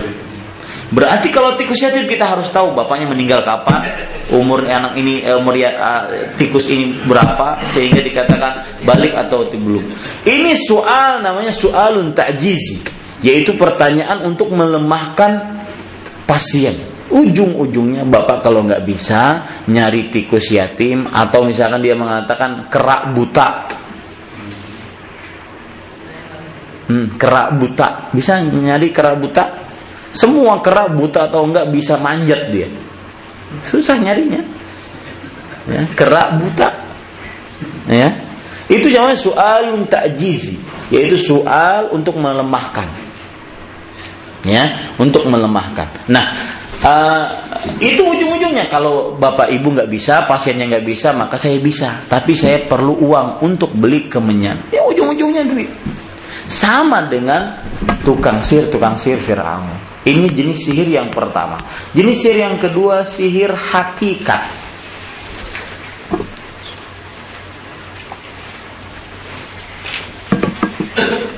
Sihir hakikat ini adalah sihir yang uh, ini saya merasa jadi dosen nih kuliah persihiran jadinya.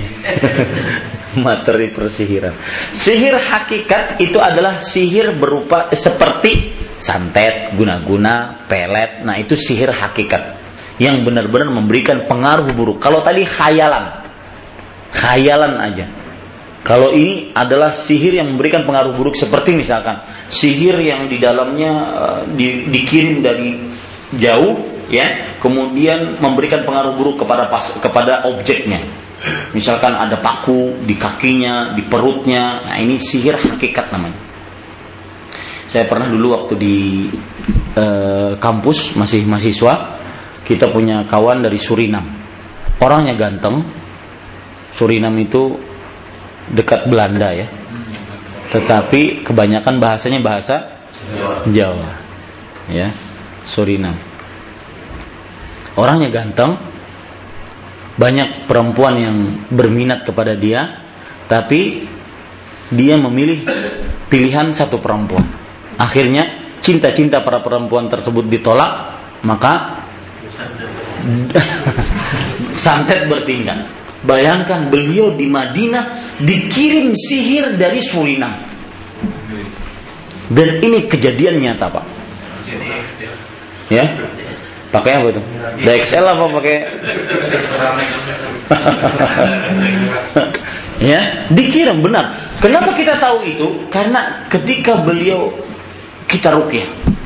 Jadi suasananya habis kita dari Masjid Nabawi sudah e, ngaji di Masjid Nabawi kita kumpul memang untuk merukyah beliau. Beliau sadar seperti orang biasa, tapi tatkala mulai kita gantian merukyah artinya gantian baca Quran. Sampai beliau pun baca Quran. Ketika mulai membaca surah Al-Baqarah, mulai mendekati ayat kursi, beliau pura-pura batuk. Pura-pura dan ini kejadian nyata. Pura-pura masuk kamar mandi. Kamar mandi sarangnya jin, sarangnya syaitan laki-laki dan perempuan. Habis keluar dari kamar mandi tambah aneh lagi. Eh, apa? Aneh lagi kelakuannya. Ya, dan saya katakan apabila ada orang merukyah, kalau kelakuannya sudah mulai aneh-aneh itu berarti jinnya sudah tidak kuat di dalamnya. Misalkan mulai tertawa-tawa, mulai uh, apa ganggu-ganggu itu bukan berarti dia tambah kuat, jangan. Jangan merasa seperti itu. Itu dia sudah sudah tidak kuat lagi. Maka terus saja minta kepada Allah, ikhlaskan hati. Ya. Kita rukyah, saya megang kepala, kawan-kawan megang kaki, tangan, Ketika di rukyah tersebut keluarnya bang, bahasa Jawa, opo kowe? Ya, padahal dia orang Surinam. Wah, ini berarti dari sana ini sihirnya. Ini para yang dirahmati. Dan e, waktu itu beliau benar-benar tersiksa dengan itu. Kadang-kadang ada bekas biru di di tubuhnya. Nanti setelah datang bekas biru tersebut, setengah tubuhnya nggak bisa digerakkan. Nggak ada apa-apa. Sihir. Kadang-kadang masuk Masjid Nabawi tatkala tatkala e, mendengar azan lari terbirit-birit persis seperti syaitan. Kan syaitan seperti itu. Kalau dikumandangkan adzan apa yang terjadi kepada syaitan? Lari sambil terkentut-kentut dengan kerasnya agar tidak mendengar adzan. Makanya salah satu metode rukyah adalah dengan adzan. Karena itu mengusir syaitan. Dan e, permasalahan rukyah dan serba-serbinya itu e, apa namanya pembicaraan lain ya dan itu juga panjang. Banyak sekali praktisi-praktisi rukyah yang terlalu berlebihan, kadang-kadang terlalu berlebihan di dalam praktisnya. Tapi yang jelas e, sihir ketangkasan seperti itu. Eh, Pak sihir hakikat seperti itu. Ya. Orang di kakinya terdapat paku, nah itu sihir hakikat. Ya seperti itu. Sihir yang ketiga itu sihir ketangkasan atau yang disebut dengan permainan tangan, sulap dan semisalnya. Ya.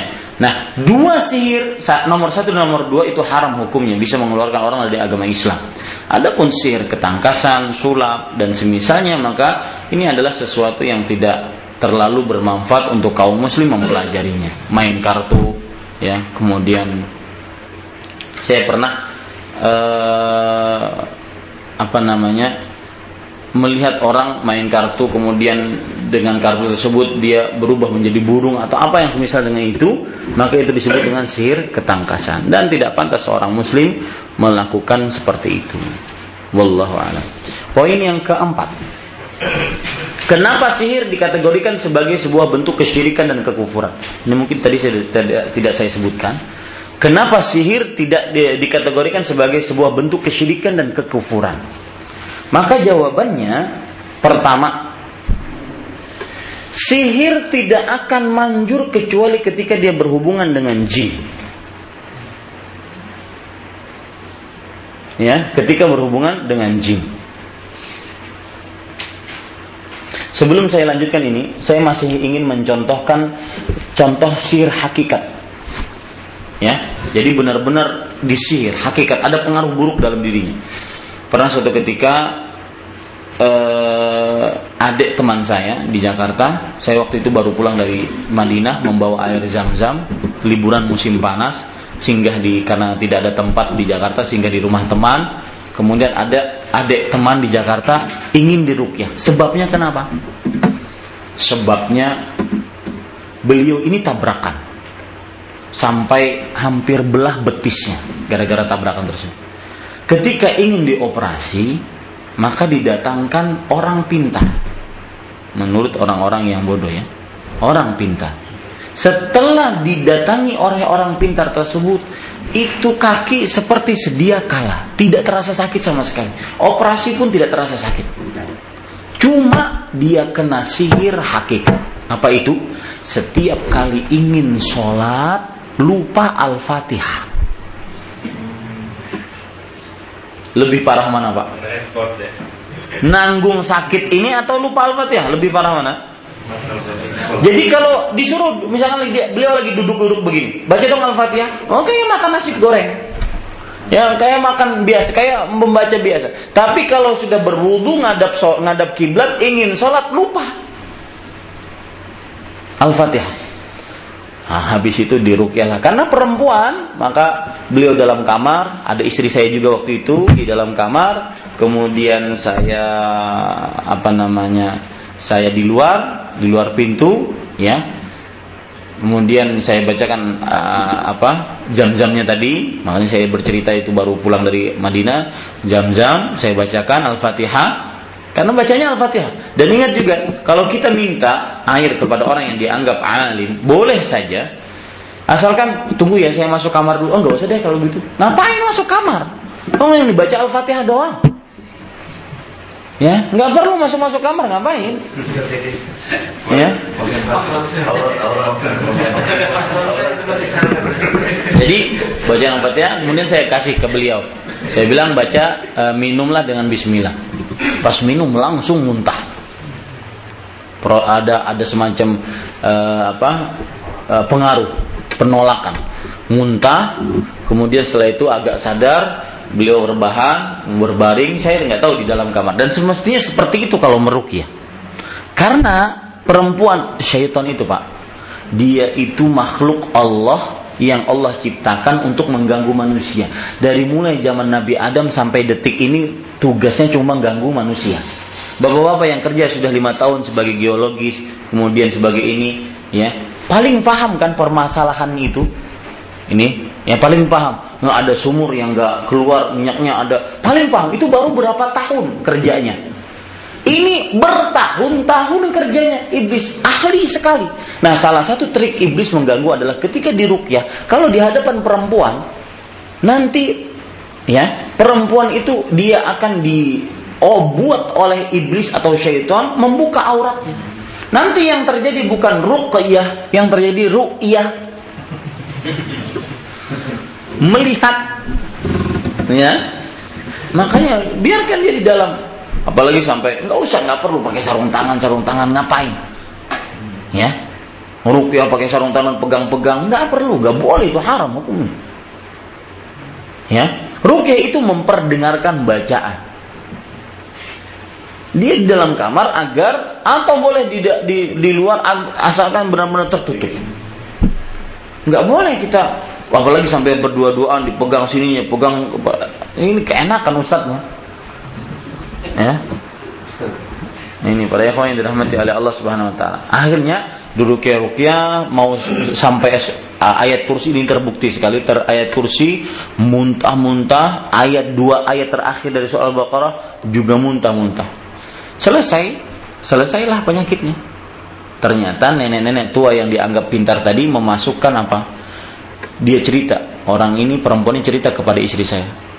Uh, um, li lihat nggak? Tadi ada tikus keluar dari perut saya. Itu yang dimasukkan oleh orang pintar tadi sehingga lupa ingatan terhadap surat Itu namanya sihir hakikat. Ya. Ini para ikhwan yang dirahmati oleh Allah Subhanahu wa taala. Dan wala yuslihu sahirun. Orang-orang sihir tidak akan pernah beruntung. Tapi kenapa sihir dikategorikan sebagai bentuk kesyirikan dan kekufuran yang pertama? Sihir tidak akan pernah manjur kecuali ketika dia berhubungan dengan jin. Kecuali ketika dia berhubungan dengan apa? Dengan jin. Maka minta pertolongan dengan jin adalah kesyirikan karena telah mensyirikan Allah Subhanahu wa taala. Iyyaka na'budu wa iyyaka nasta'in. Kemudian yang kedua, Allah telah menegaskan bahwa sihir adalah kekufuran. Walakin syayatin kafaru yu'allimuna an-nasa sihra. Akan tetapi para syaitanlah kafir. Mereka mengajari manusia sihir. Menunjukkan bahwa sihir memberi, mem, membuat orang kafir. Surah Al-Baqarah ayat 102. Sebab yang ketiga, kenapa sihir dikategorikan sebagai sebuah bentuk kesyirikan dan kekufuran?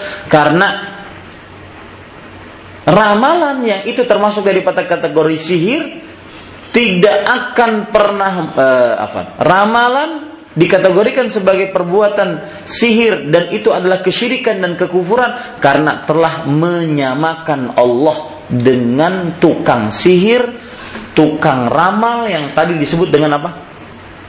Tukang ramal ada dua macam. Arraf dengan kahin.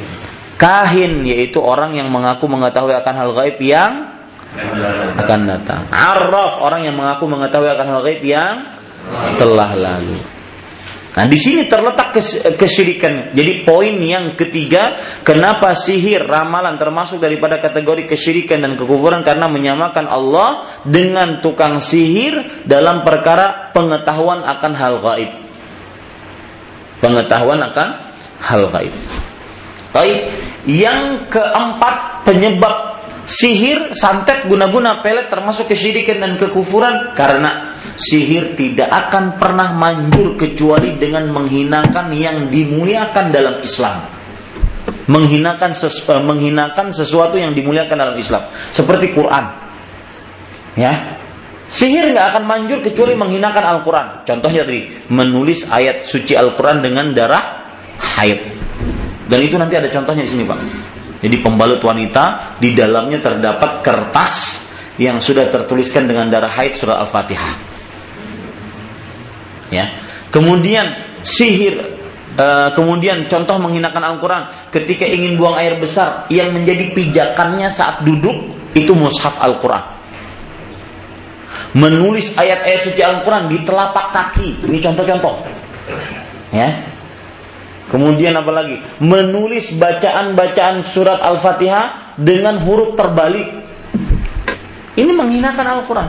Kemudian yang lagi tidak eh, eh, sholat dengan sengaja tanpa berwudu. Sholat dengan sengaja tanpa berwudu. Ini termasuk daripada menghinakan simbol-simbol agama dan semisalnya. Ya, maka saya ulangi, kenapa sihir dikategorikan sebagai sebuah bentuk kesyirikan yang pertama sebabnya apa Pak? Tidak manjur kecuali beristianah dengan jin. Dan itu sebuah kesyirikan. Minta tolong dengan jin. Yang kedua dan sedikit menyimpang masalah jin. Ini juga perlu pembahasan tersendiri. Jin itu pak kita nggak boleh seperti yang ada cerita ada acara televisi. Kita ajak ngobrol. Umur ente berapa? Ya? Hidup di zaman apa? Ngapain? Nggak boleh itu. Haram hukumnya. Ya jin tidak bisa kita berinteraksi dengannya kecuali untuk mendakwahi dia sebagaimana dilakukan oleh Rasul Shallallahu Alaihi Wasallam hanya untuk mendakwahi aja. Adapun diajak ngobrol, ya siapa namanya Mbah, kemudian kadang-kadang itu juga settingan. Yang nonton sampai nganga-nganga, maunya dibohong-bohongin, subhanallah. Ya, ini para yang dirahmati oleh Allah Subhanahu Wa Taala. Yang kedua, kenapa sihir dikategorikan sebagai bentuk kesyirikan? karena disebutkan oleh Allah sebagai ke kekufuran dalam surah Al-Baqarah ayat 102. Kemudian yang sebab yang ketiga, kenapa?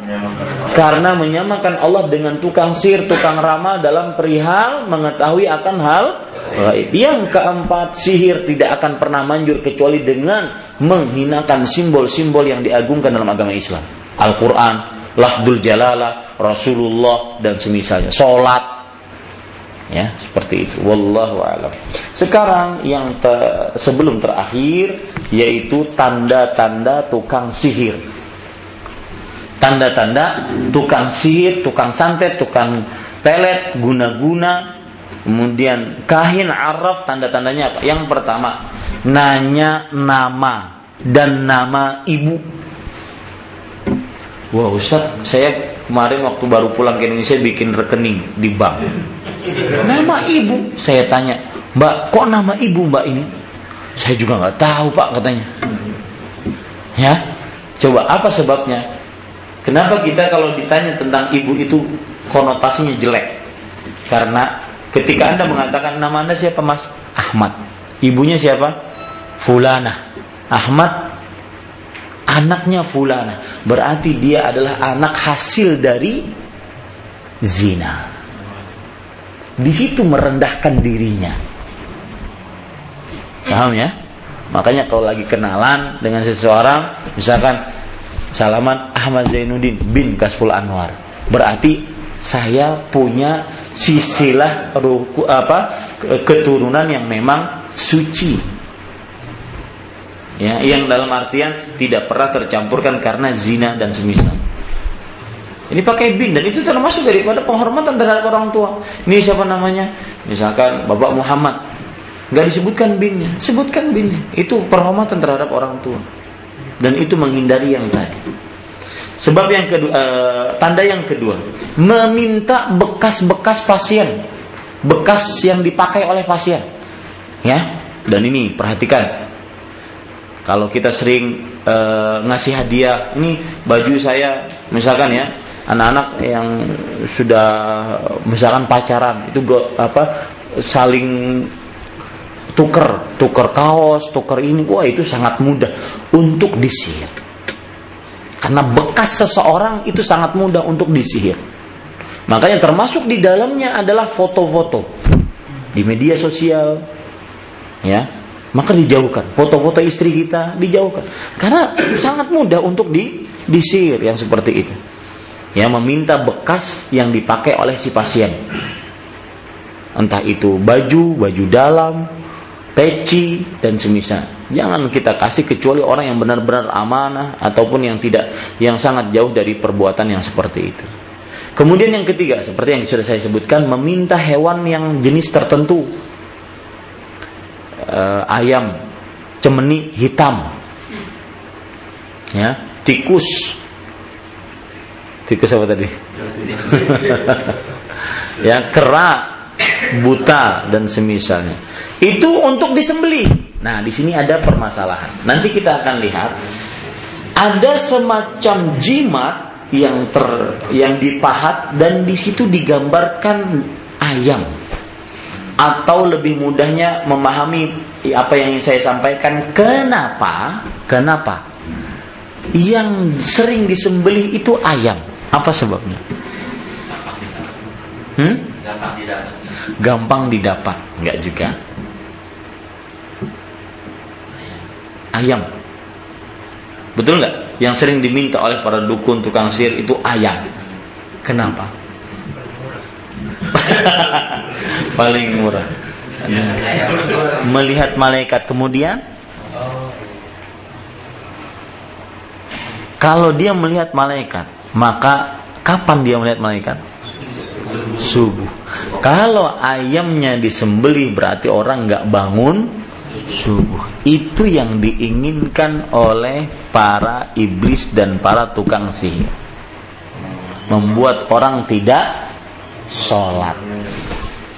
Sama seperti teman saya yang Surinam tersebut, Pak. Kita tuh kan kesel. Jadi sampai jam 2 kadang merukyah beliau. Selesai. Ya. Capek kan merukyah itu capek. Makanya saya di Banjarmasin kalau ada orang rukyah mohon maaf Bu, saya tidak buka praktek rukyah.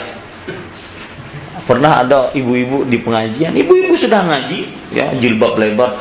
Ustaz, ayo dong, rukyah anak saya. Kenapa memang anak ibu? Anak saya Ustaz, kemasukan jin. Jin apa? Jin harimau Majapahit. Jadi kalau sudah kemasukan itu, wah seperti harimau. Saya bilang, Bu, saya ini bukan siapa-siapanya dengan dengan anak ibu. Ibu itu ibunya.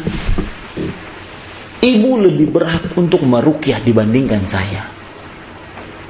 Ya, maka saya nggak buka praktek di di apa di Banjarmasin.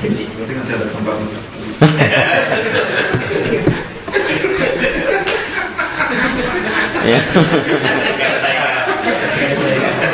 Masih, silakan buka di Banjarmasin.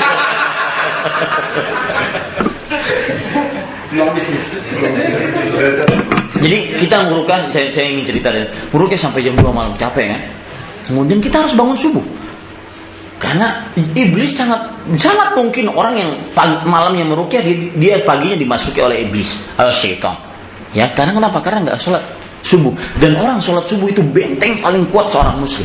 Man sholat subuh fahuwa fi zimmatillah kata Rasulullah.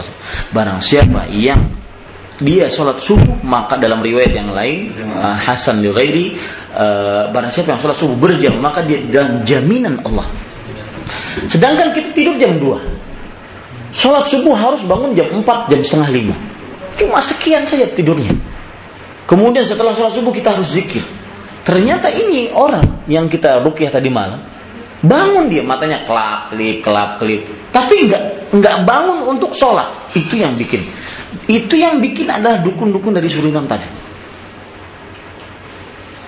Membuat orang tidak sholat. Contohnya yang tadi. Yang lupa sholat apa tadi? Alfa. Enggak sholat akhir. Dan itu tujuannya. Makanya yang diminta hewan paling banyak adalah hewan apa? Ayam. Iya, dia yang berkokok karena dia yang berkokok itu membangunkan manusia, dia yang melihat malaikat turun dan e, naik dan turun tatkala waktu fajar tiba. Nah, ini rahasia, ya, rahasia ilmu sihir dan perdukunan. Makanya kita judulnya lebih mengenal ilmu sihir dan dukun. Kemudian yang keempat yaitu nah ini tanda tukang sihir nulis raja, raja. Ya, raja itu apa ya? bahasa ini iya raja uh, tulisan-tulisan Arab angka ya kemudian lambang-lambang yang enggak uh, kadang-kadang tidak ada artinya kemudian yang yang kelima yaitu memberikan kepada pasien sesuatu yang harus digantung di rumah atau ditanam di tanah. Ini pasti tukang si dukun santet guna-guna. Ya. Yang keberapa itu? Yang kelima. Yang keenam yaitu memberitahukan nama pasien dan nama daerahnya. Padahal belum pernah ketemu. Ini pun kadang-kadang bisa jadi dukun itu palsu, dukun gadungan. Apalagi di zaman sekarang, media sosial mudah. Oh, nanti hari Senin akan datang si Fulan, dia dasar dari ini, namanya ini. Ya, langsung, ya, itu koleganya dukun memberitahu. Langsung, silahkan masuk wahai Ahmad, silahkan duduk. Uh, langsung dia, wah, tahu nama saya, ketemu aja baru sekali. Dan semisal, apalagi di zaman sekarang sangat mudah. Ya, Kemudian yang ketujuh yaitu menulis huruf-huruf yang terpotong-potong. Sin sin sin sin, hamim hamim hamim hamim, ain ain ain ain. Kemudian nun nun nun. Nah, ini huruf-huruf yang terputus-putus. Kemudian termasuk dari tanda tukang sihir yang kedelapan yaitu memberikan jimat. Jimat yang dipakai ataupun disimpan. Yang kesembilan yaitu menulis huruf-huruf Al-Quran secara terbalik.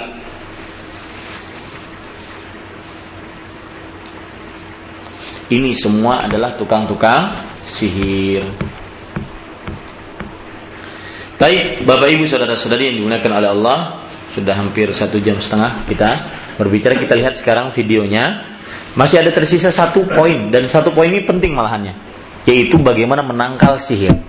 Di sana ada penangkalan sihir itu tindakan uh, preventif, ada tindakan rehabilitatif. Preventif sebelum terjadi. Kemudian rehabilitatif kapan terjadinya. Baru kita kita obati ya sihir tersebut. Uh, pakai ini aja mungkin bisa uh, kabelnya aja. Oh, iya.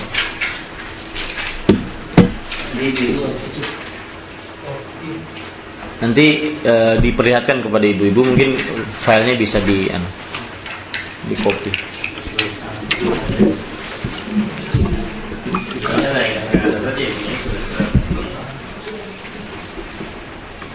Atau ibu-ibu e, silakan buka aja. Buka sedikit biar nengok. Kalau mau ya, mau saya nggak memaksa. Nah itu dibuka, nah silahkan dilihat. Ngintip aja. Karena di sini ada penjelasan-penjelasan nantinya. di belakang bapak-bapak silahkan nggak apa-apa, sebentar aja, sebentar. Maju bapak-bapaknya maju. TV-nya bisa dinaikkan nggak? Uh, di sini meja. Untuk tempat TV-nya di meja. TV-nya di meja? Boleh? Boleh. Ya, saya Kabelnya nggak nggak cukup. Sampai hati-hati, pelan-pelan aja. Ya. ya, kita semuanya menghadap ke sana biar nanti ibu-ibu uh, bisa di belakang. Jangan ada yang melihat ke belakang. Ya, hati-hati. Ya. Ya. Uh, ya. Ini yang pertama kita ingin melihat uh, video yang pertama dan ini tadi belum saya jelaskan masalah ini yaitu permasalahan uh, bahwa setiap sihir itu tidak akan pernah manjur kecuali dengan buhul-buhul. Ya, tidak akan pernah manjur kecuali dengan buhul-buhul. Ya, ini buhul-buhul ini biasanya disimpan di tempat-tempat yang sulit dijamah oleh manusia. Sulit dijamah oleh manusia. Di antaranya ini. Ya, ini sekarang men mencari buhul-buhul di tempat kuburan yang mahjur, kuburan yang sudah tidak dimasuki lagi, ternyata disimpan di sini. Ya, Dan uh, di kejadian di Arab Saudi bahwa uh, para tukang sihir melempar buhul-buhulnya itu di tepi-tepi Laut Merah. Ya, makanya ada penyelam-penyelam mereka masuk ke dalam tepi-tepi Laut Merah tersebut dan ternyata mendapatkan ratusan praktek buhul. Dan setelah itu dimusnahkan semuanya menelpon keluarga itu menelpon kepada uh, polisi amar ma'ruf nahi mungkar komisi pemberantasan sihir dan dukun. Uh, bersyukur bahwasanya dengan pe, dengan penemuan tersebut lihat. Nah ini contoh ya dengan penemuan Bagaimana dia tahu ada di situ Ah, Pak bagus pertanyaannya biasanya ya yang seperti ini adalah setelah tukang sihirnya diintegrasi Oh, nah, di, di, anu, di, dia beritahu, memberitahu. Ya, lihat itu selalu ada tulisan, ada raja ataupun ada buhul-buhul. Nanti ada lagi yang lebih ekstrim dari ini, kita akan ambil contohnya. Dilihat dulu. Ah ini lihat, ini memperlihatkan kuburan ini sudah tidak terpakai lagi. Kenapa kuburan dicari kuburan yang tidak terpakai? Karena agar tidak dijamah. Karena begini, sihir setiap kali buhulnya itu hancur atau dimusnahkan, maka sihirnya akan hancur pula. Makanya obat paling mujarab untuk ini lambang Komisi Pemberantasan uh, Sihir dan Dukun. Uh, Kalau kita ada juga KPPS. KPPS ya. Ya, coba perhatikan lagi Bapak Ibu saudara-saudari yang dimuliakan oleh Allah, yaitu tadi saya sudah sebutkan bahwa uh, sihir itu selalu ada buhulnya. Untuk bisa paling mudah mematahkan sihir adalah uh, hilangkan buhulnya. Nah, kalau Rasulullah buhulnya sendiri ada dan itu yang memberitahukan malaikat ketika beliau mimpi.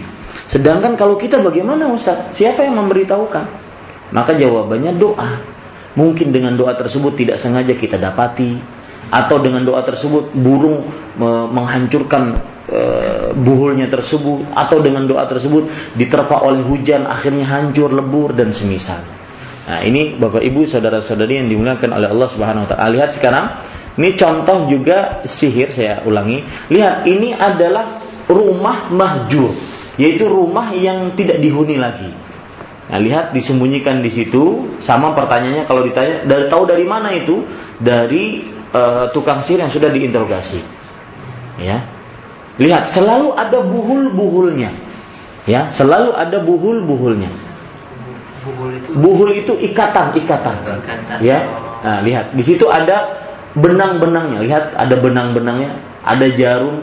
Karena uh, lihat dia memakai uh, aluminium foil ya untuk apa uh, aluminium foil adalah bahan yang tidak mudah hancur ya dia bahan yang tidak mudah hancur maka ketika bahan tidak mudah hancur maka untuk menjaga praktek buhulnya tadi di dalam dan itu harus dibuka dan ketika membukanya harus dirukyah membaca kul huwallahu ahad. Nah, itulah praktek-praktek sih. Lihat ada apa namanya?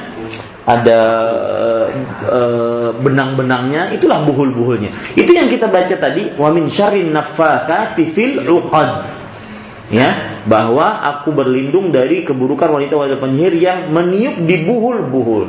Ya, itu harus dibuka satu-satu dan saya punya pengalaman pribadi nih ketika di kantor Islamic Center waktu itu uh, ada majikan bawa praktek sihir seorang TKW. Subhanallah yang di yang diikat itu bukan bukan lagi uh, benang tetapi rambutnya majikan. Jadi majikan sering sakit kepala karena diikat rambutnya. Dan itu dengan izin Allah ya kita bacakan di rukyah rambut kalau diikat itu kan kecil sekali. Dengan izin Allah dia terbuka sendiri. Dan itu saya rasakan sendiri ya seperti itu. Kemudian nah ini ini contoh yang lain dari buhul juga ya. Ini lihat ini di mana di padang pasir gurun pasir ya di gurun pasir. Lihat, semua tempat-tempatnya adalah tempat yang susah untuk digapai oleh manusia. Bahkan dikubur lebih dalam mungkin dari kuburan manusia. Lihat, ya, dalam sekali. Ini hanya untuk menyembunyikan buhulnya tadi. Maka saya pesan kepada siapa saja yang pernah kena sihir, maka pada saat itu coba cari buhulnya. Kalau tidak dapat berdoa kepada Allah agar mendapatkan buhul itu. Karena itu trik paling mujarab obat paling mujarab agar bisa me, apa, menghancurkan pengaruh sihir pada diri seseorang. Saya percepat sedikit. Ya. Dalam sekali. Nah, nah ini dapat lihat di, selalu di kaleng di kaleng ataupun di tempat yang susah untuk untuk kehancur ya Nah, itu pun kemudian setelah itu di masih di lakban di dalamnya. Ya. Dikasih kode pos.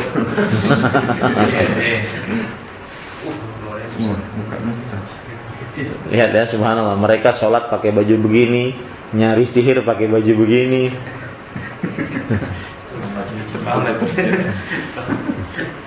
Pasar. Nah, lihat itu semuanya ketika membuka seperti ini harus dirukyah. Hmm. Ya? Bacakan. Dibacakan kul atau lihat lakban kemudian di belakangnya masih ada plastik. Itu tujuannya semuanya adalah agar padahal prakteknya cuma kecil sekali nanti lihat di dalamnya. Prakteknya kecil sekali ya tujuannya agar praktek itu tidak hancur, eh, praktek dan buhulnya tersebut tidak hancur lihat penya apa plastiknya berlapis-lapis ternyata apa itu Ternyata kepala ikan tongkol. Oh, ini masih baru. Masih baru coba lihat. Kepala ikan tongkol. Kepala ikan. Ya. Masih segar. Lihat di situ nanti ada juga buhul-buhulnya, tali-talinya. Selalu Pak, sihir selalu ada buhulnya. Lihat ya. Nih, eh, tuh dipegang tali-talinya itu. Nah, oh, iya, iya. Selalu ada seperti itu. Iya, Dan itu ikatannya itu harus dibuka. Kalau tidak masih akan ada pengaruh buruk kepada objek yang disihir. Dipotong boleh juga. Hah? Dipotong pakai. Eh, yang penting harus dipot, dibuka. Ya. Entah dipotong ataupun dilepas, silahkan. Hmm.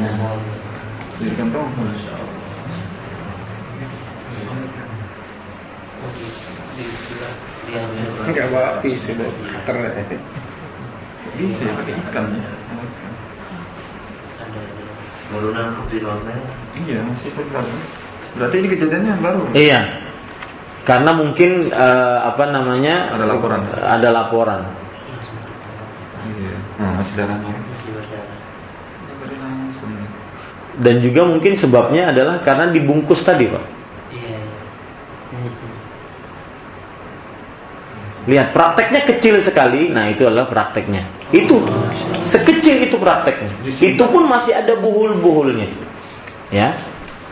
Lihat, kejinya para tukang sihir membuat manusia menjadi tidak tentram, terpisah keluarga dan semisalnya. pengobatan medis tidak bisa ya, kalau memang secara kalau dia sihir maka harus dengan rupiah tidak bisa medis tidak bisa medis Nah ini lihat tak, tak, tali-talinya, nah itu itu buhul-buhulnya itu. Nah itu prakteknya kecil saja. Ya. Di dalamnya cuma ada ramuan-ramuan yang sudah dijampi-jampi. Nah itu semua harus dimusnahkan. Dibakar. Dibakar. Ya, semuanya harus dimusnahkan. Kalau ini dibakar tanpa dibuka gimana? Uh, tidak bisa jangan-jangan masih ada tersisa ikatannya meskipun dia terbakar tetapi tidak terlepas gitu. Hmm. Karena mengikuti dari dalil Quran itu ya. Iya. Iya. Wa min syarri naffatsati fil kan berlindung dari dari uh, apa? Uh, buhul-buhul. Rajahnya itu. Ya, isinya cuma begitu saja. Kita melihat pada video yang lain. Video yang lain ini ya selanjutnya kita lihat ini praktek sihir yang dilakukan pada sebuah keluarga. Lihat, maka saya katakan lihat ini apa? Peci, Pak. Ya.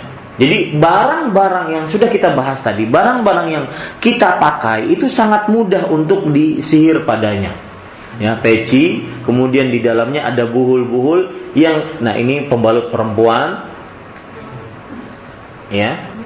Dan di dalamnya itu nanti kita akan eh, akan lihat bahwa di situ ada uh, uh, apa kain uh, apa kertas yang sudah tertulis dengan dengan uh, darah haid ya tulisan uh, apa namanya ayat kursi Nah ini ceritanya disebutkan oleh itu Syekh Adil yang saya sebutkan itu ya yang di pojok ini. Beliau bercerita bahwa ini adalah praktek sihir untuk satu keluarga penuh kena. Dari mulai suami, ibu, kemudian uh, anak, cucu kena semua. Ya, lihat, itu semuanya di dalamnya rambut-rambut. Ya, memang rambut sebagaimana dalam hadis riwayat Bukhari adalah paling mudah untuk melakukan mempengaruhi masuk ke dalam uh, sihir.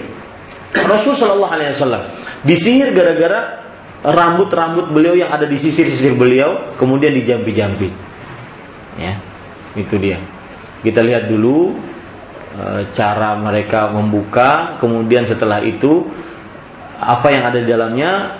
Lihat ini plastik. Plastik itu kan bahan yang susah untuk hancur ya, agar tidak hancur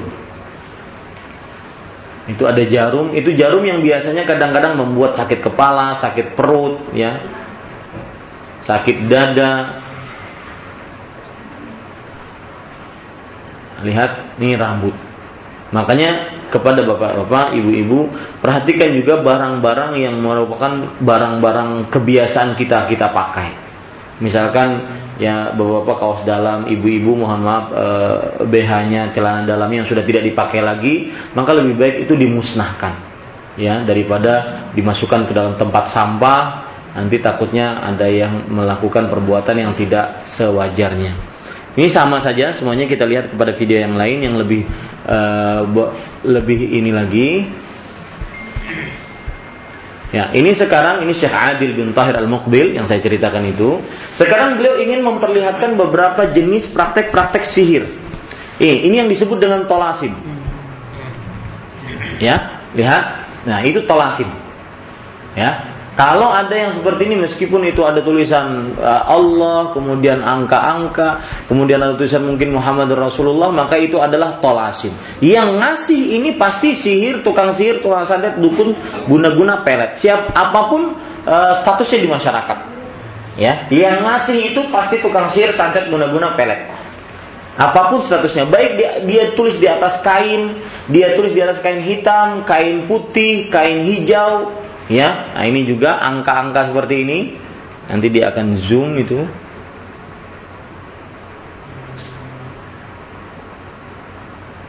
Nah, ini adalah yang disebut dengan raja, ya, raja. Baik di atas telur kadang-kadang, ini juga raja, ya. Meskipun ada tulisan ayat-ayatnya, meskipun ada tulisan Allahnya, maka itu disebut raja lebih uh, apa jangan pernah kita memakainya ataupun menggunakannya. Nah, ini jimat yang kadang-kadang dipakai ya, dipakai oleh sebagian orang di uh, apa dikalungkan di tangan ya kemudian ya ini jimat. Lihat nanti tulisan yang ada di situ perhatikan tulisannya beliau zoom nanti di situ ya.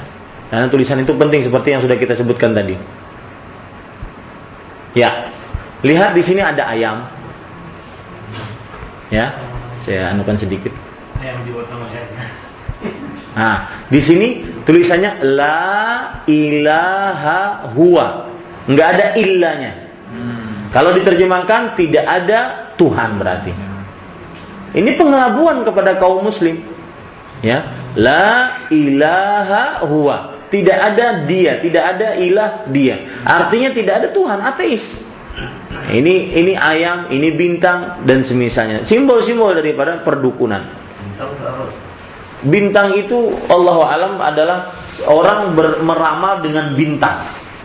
Meramal dengan bintang. Jadi tidak bersandar kepada takdir Allah Subhanahu wa taala Nah, ini contoh. Kemudian ini juga ini besar, lebih besar. Nah ini juga menarik ya, perhatikan baik-baik.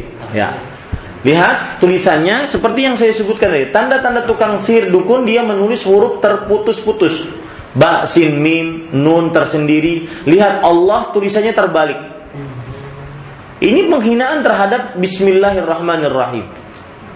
Ya, ini penghinaan terhadap Bismillahirrahmanirrahim. Ini tulisan Allah terbalik. Ya, ini pada ikhwah. Bukan tulisan Bismillah, Bismillah, tapi terbalik. Oh di itu Ustaz, di Turki itu dalam masjid ada seperti dari tulisan Arab tapi dibuat kayak cermin. Jadi kayak misalnya Allah tapi di sini awalnya dari dari kanan dari kiri. Yang jelas kalau dibalik tidak diperbolehkan. Nah ini semua jenis-jenis uh, jimat. Ini yang disebut dengan tamimah. Yang sering dipakai kepada anak-anak kecil ya. Ini yang tamimah. Ini tamimah namanya.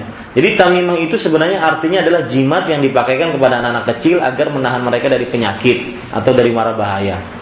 Itu tamimah. Dan sangat disayangkan pemakaian seperti ini tengah-tengah anak kecil sudah menjadi sangat biasa sekali. Itu tamimah. Nah, ini tamimah yang jenisnya salib. Ya. Ini tamimah jenisnya salib.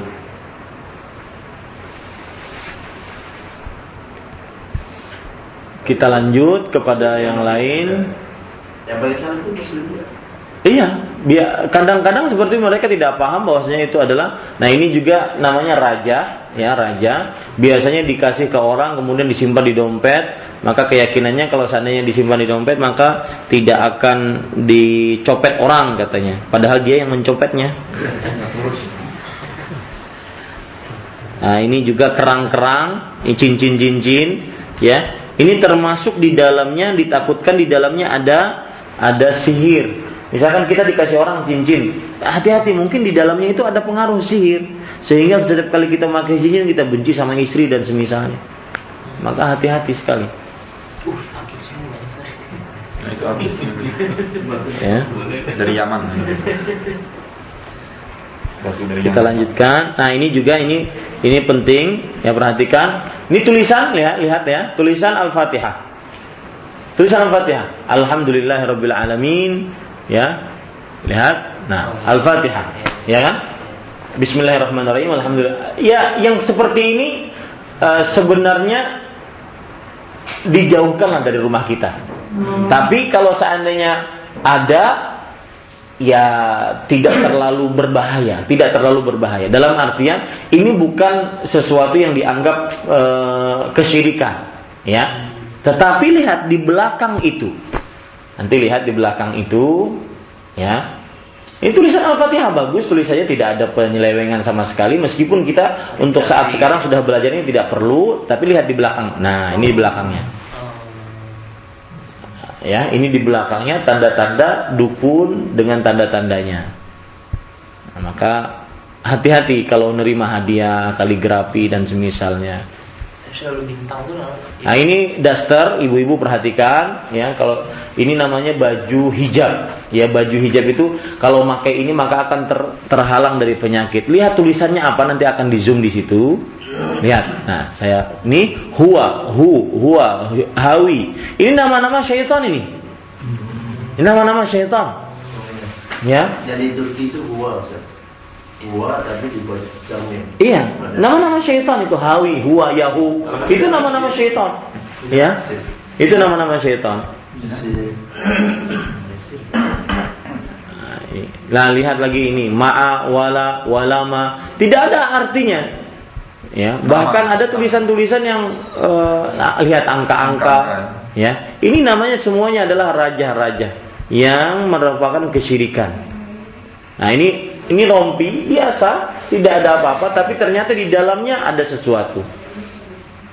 Ya, di dalamnya ada ada raja. Maka hati-hati siapa saja yang mendapatkan eh, hadiah mungkin dari seseorang ya kalau seandainya kita benar-benar kenal dan kita percaya maka tidak usah kita suudzon akan tetapi kalau seandainya kita eh, belum percaya maka perlu kita untuk bersikap hati-hati. Nah, lihat di sini, lihat itu adalah raja-raja di dalam rompi tersebut. Ya. ini juga bentuk-bentuk dajjal, ini juga Iya.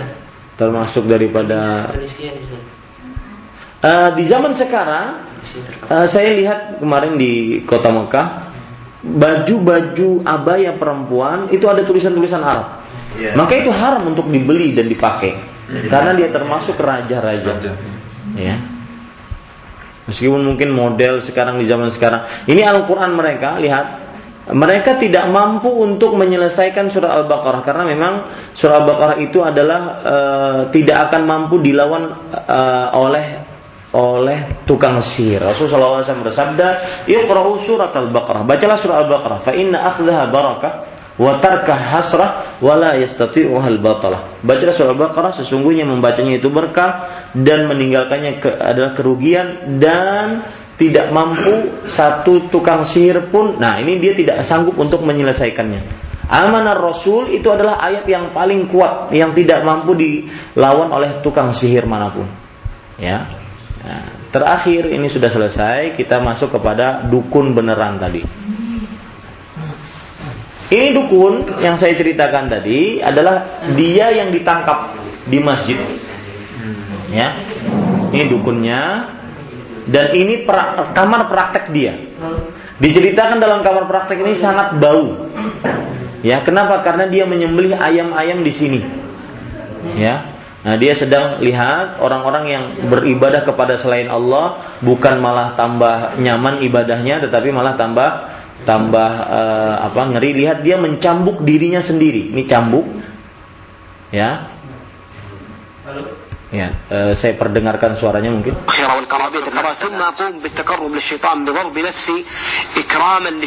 Tidak terdengar eh, suaranya. Ya, dia mencambuk dirinya sendiri. Lihat, begitulah orang yang menyembah selain Allah, dia menghinakan dirinya. Beda dengan orang yang menyembah Allah, dia akan dimuliakan oleh Allah Subhanahu wa taala.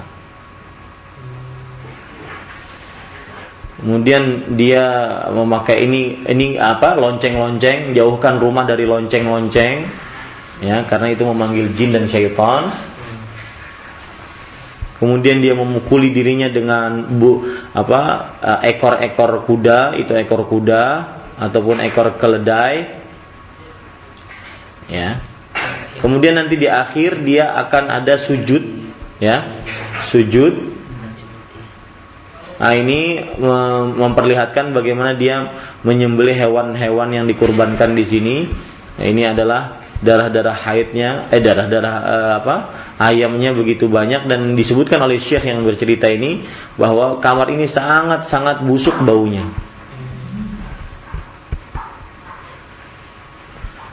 Terakhir kita ingin memperlihatkan dia sujud kepada jin, ya. Nah ini inilah bentuk dia sujud kepada jin.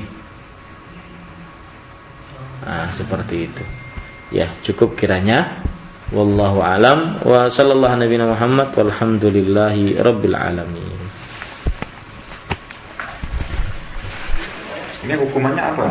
Jadi Kalau seandainya terbukti maka dia hukumannya pancung, penggal kepalanya. tapi dia tidak bisa bertobat. Urusan tobat dengan dia dengan Allah Subhanahu wa taala. Kalau dia bertobat tetap saja dia Tapi syariatnya tetap harus tetap, tetap harus Ya. dipancung. Ya, silahkan jika ada pertanyaan atau cukup.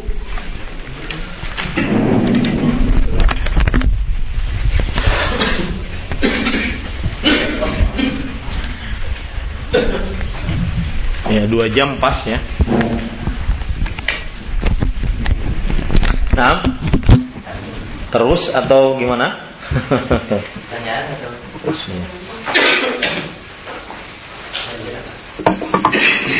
Ya, kita ambil satu dua pertanyaan deh. Ibu-ibu mungkin ada pertanyaan? Bapak-bapak?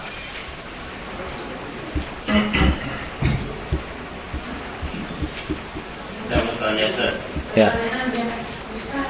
ada ada mic-nya di situ di di online.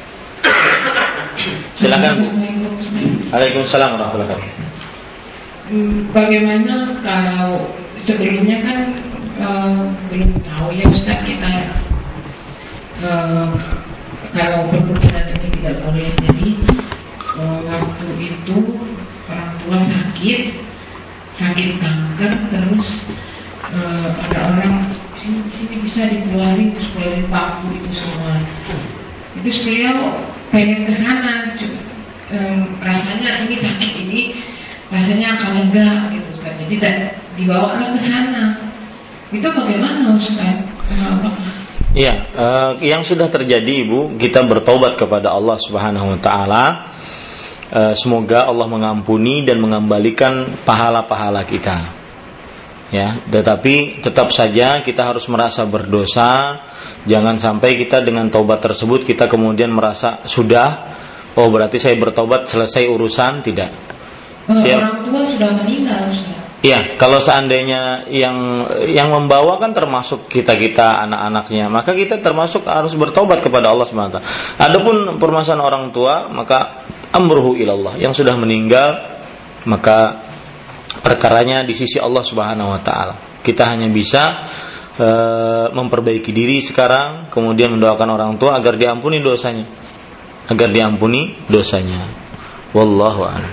Silakan. eh, kebetulan kemarin ada eh, saudara yang BB katanya dia terus eh, habis dirukiah habis itu keluar darah kata kata orang pinternya itu katanya suaminya diguna-guna tapi dia kena itu saya suruh eh, rukiah diri sendiri aja baca baca fatihah apa koroh terus apalagi memang seperti itu aja terus Iya. bagaimana? Iya. Kalau dia merukyah diri sendiri itu lebih utama. Kenapa? Karena eh, lebih me- meletakkan rasa tawakal dia kepada Allah Subhanahu wa taala. Bagaimanapun seseorang meskipun pergi kepada perukyah yang syar'i, tapi ketika pergi kepada seseorang bagaimanapun ada semacam ketergantungan. Ada semacam ya bergantung kepada makhluk. Maka eh, saya nasihatkan kepada kepada orang tersebut yang pertama jaga sholatnya jaga sholatnya yang kedua lima waktu ya kemudian baca zikir pagi zikir sore yang sesuai dengan syariat Islam dan sesuai dengan hadis dari Rasul yang ketiga yaitu eh, dia merukyah dirinya sendiri dengan cara membaca Al-Fatihah, Al-Baqarah sampai selesai dari awal sampai selesai, kemudian surat Qul huwallahu ahad, Qul a'udzu birabbil falaq, Qul a'udzu birabbin nas. Surat Al-Baqarah Rasul sallallahu alaihi wasallam tadi bersabda yang saya sebutkan riwayat Bukhari, la yastati'uhal batalah. Membacanya itu berkah, meninggalkannya kerugian dan tidak akan ada satu tukang sihir pun yang mampu melawannya. Kemudian eh, dia membaca tiga surat terakhir Qul huwallahu ahad, Qul a'udzu birabbil Qul a'udzu birabbin nas. Rasul sallallahu alaihi wasallam bersabda, "Ma ta'awwadha muta'aw- muta'awwidzun bimithlihinna." Tidak ada tidak ada seseorang yang ber, meminta perlindungan lebih kuat dibandingkan dengan membaca tiga surat tersebut. Nah itu amalan dia ulang-ulang kemudian dia tidak lupa berdoa kepada Allah. Mudah-mudahan sihirnya tersebut diampuni oleh Allah Subhanahu eh, apa dibebaskan. Misalkan buhulnya tadi dihilangkan, kemudian apa saja yang membuat sihirnya berpengaruh di- dihancurkan oleh Allah Subhanahu wa taala. Banyak-banyak berdoa, bangun malam, banyak-banyak beramal soleh. Mungkin dengan amal soleh tersebut akhirnya nanti Allah akan membebaskan dia dari sihir tersebut. Wallahu a'lam. Silahkan Pak. Kalau sihir itu memang selalu ada buhulnya atau ada sihir yang tidak menggunakan buhul. Kebanyakan sihir pakai buhul. Karena itu yang disebutkan dalam Al-Qur'an. Kalau seandainya sihir tidak pakai buhul, biasanya dia pakai raja. Ya, kebanyakan sihir pada pada buhulnya. Seperti tadi kasus yang orang Suriname di Madinah tadi itu, Hmm. apakah dia dikirim saat orang itu sudah di Madinah atau Biasanya beliau kan dulunya mempunyai bekas-bekas mungkin, Iya. bekas-bekas itu yang disihir. Bekas-bekas eh, bajunya, bekas eh, apalah yang dimiliki oleh si fulan tersebut. Itu yang dijadikan nanti eh, untuknya dibuhul-buhul, dibuhul dan dijampi-jampi. Wallahu a'lam. Cukup kiranya? Ya, subhanakallahumma bihamdik, asyhadu an la ilaha illa anta astaghfiruka wa atubu ilaik. Wassalamualaikum warahmatullahi wabarakatuh.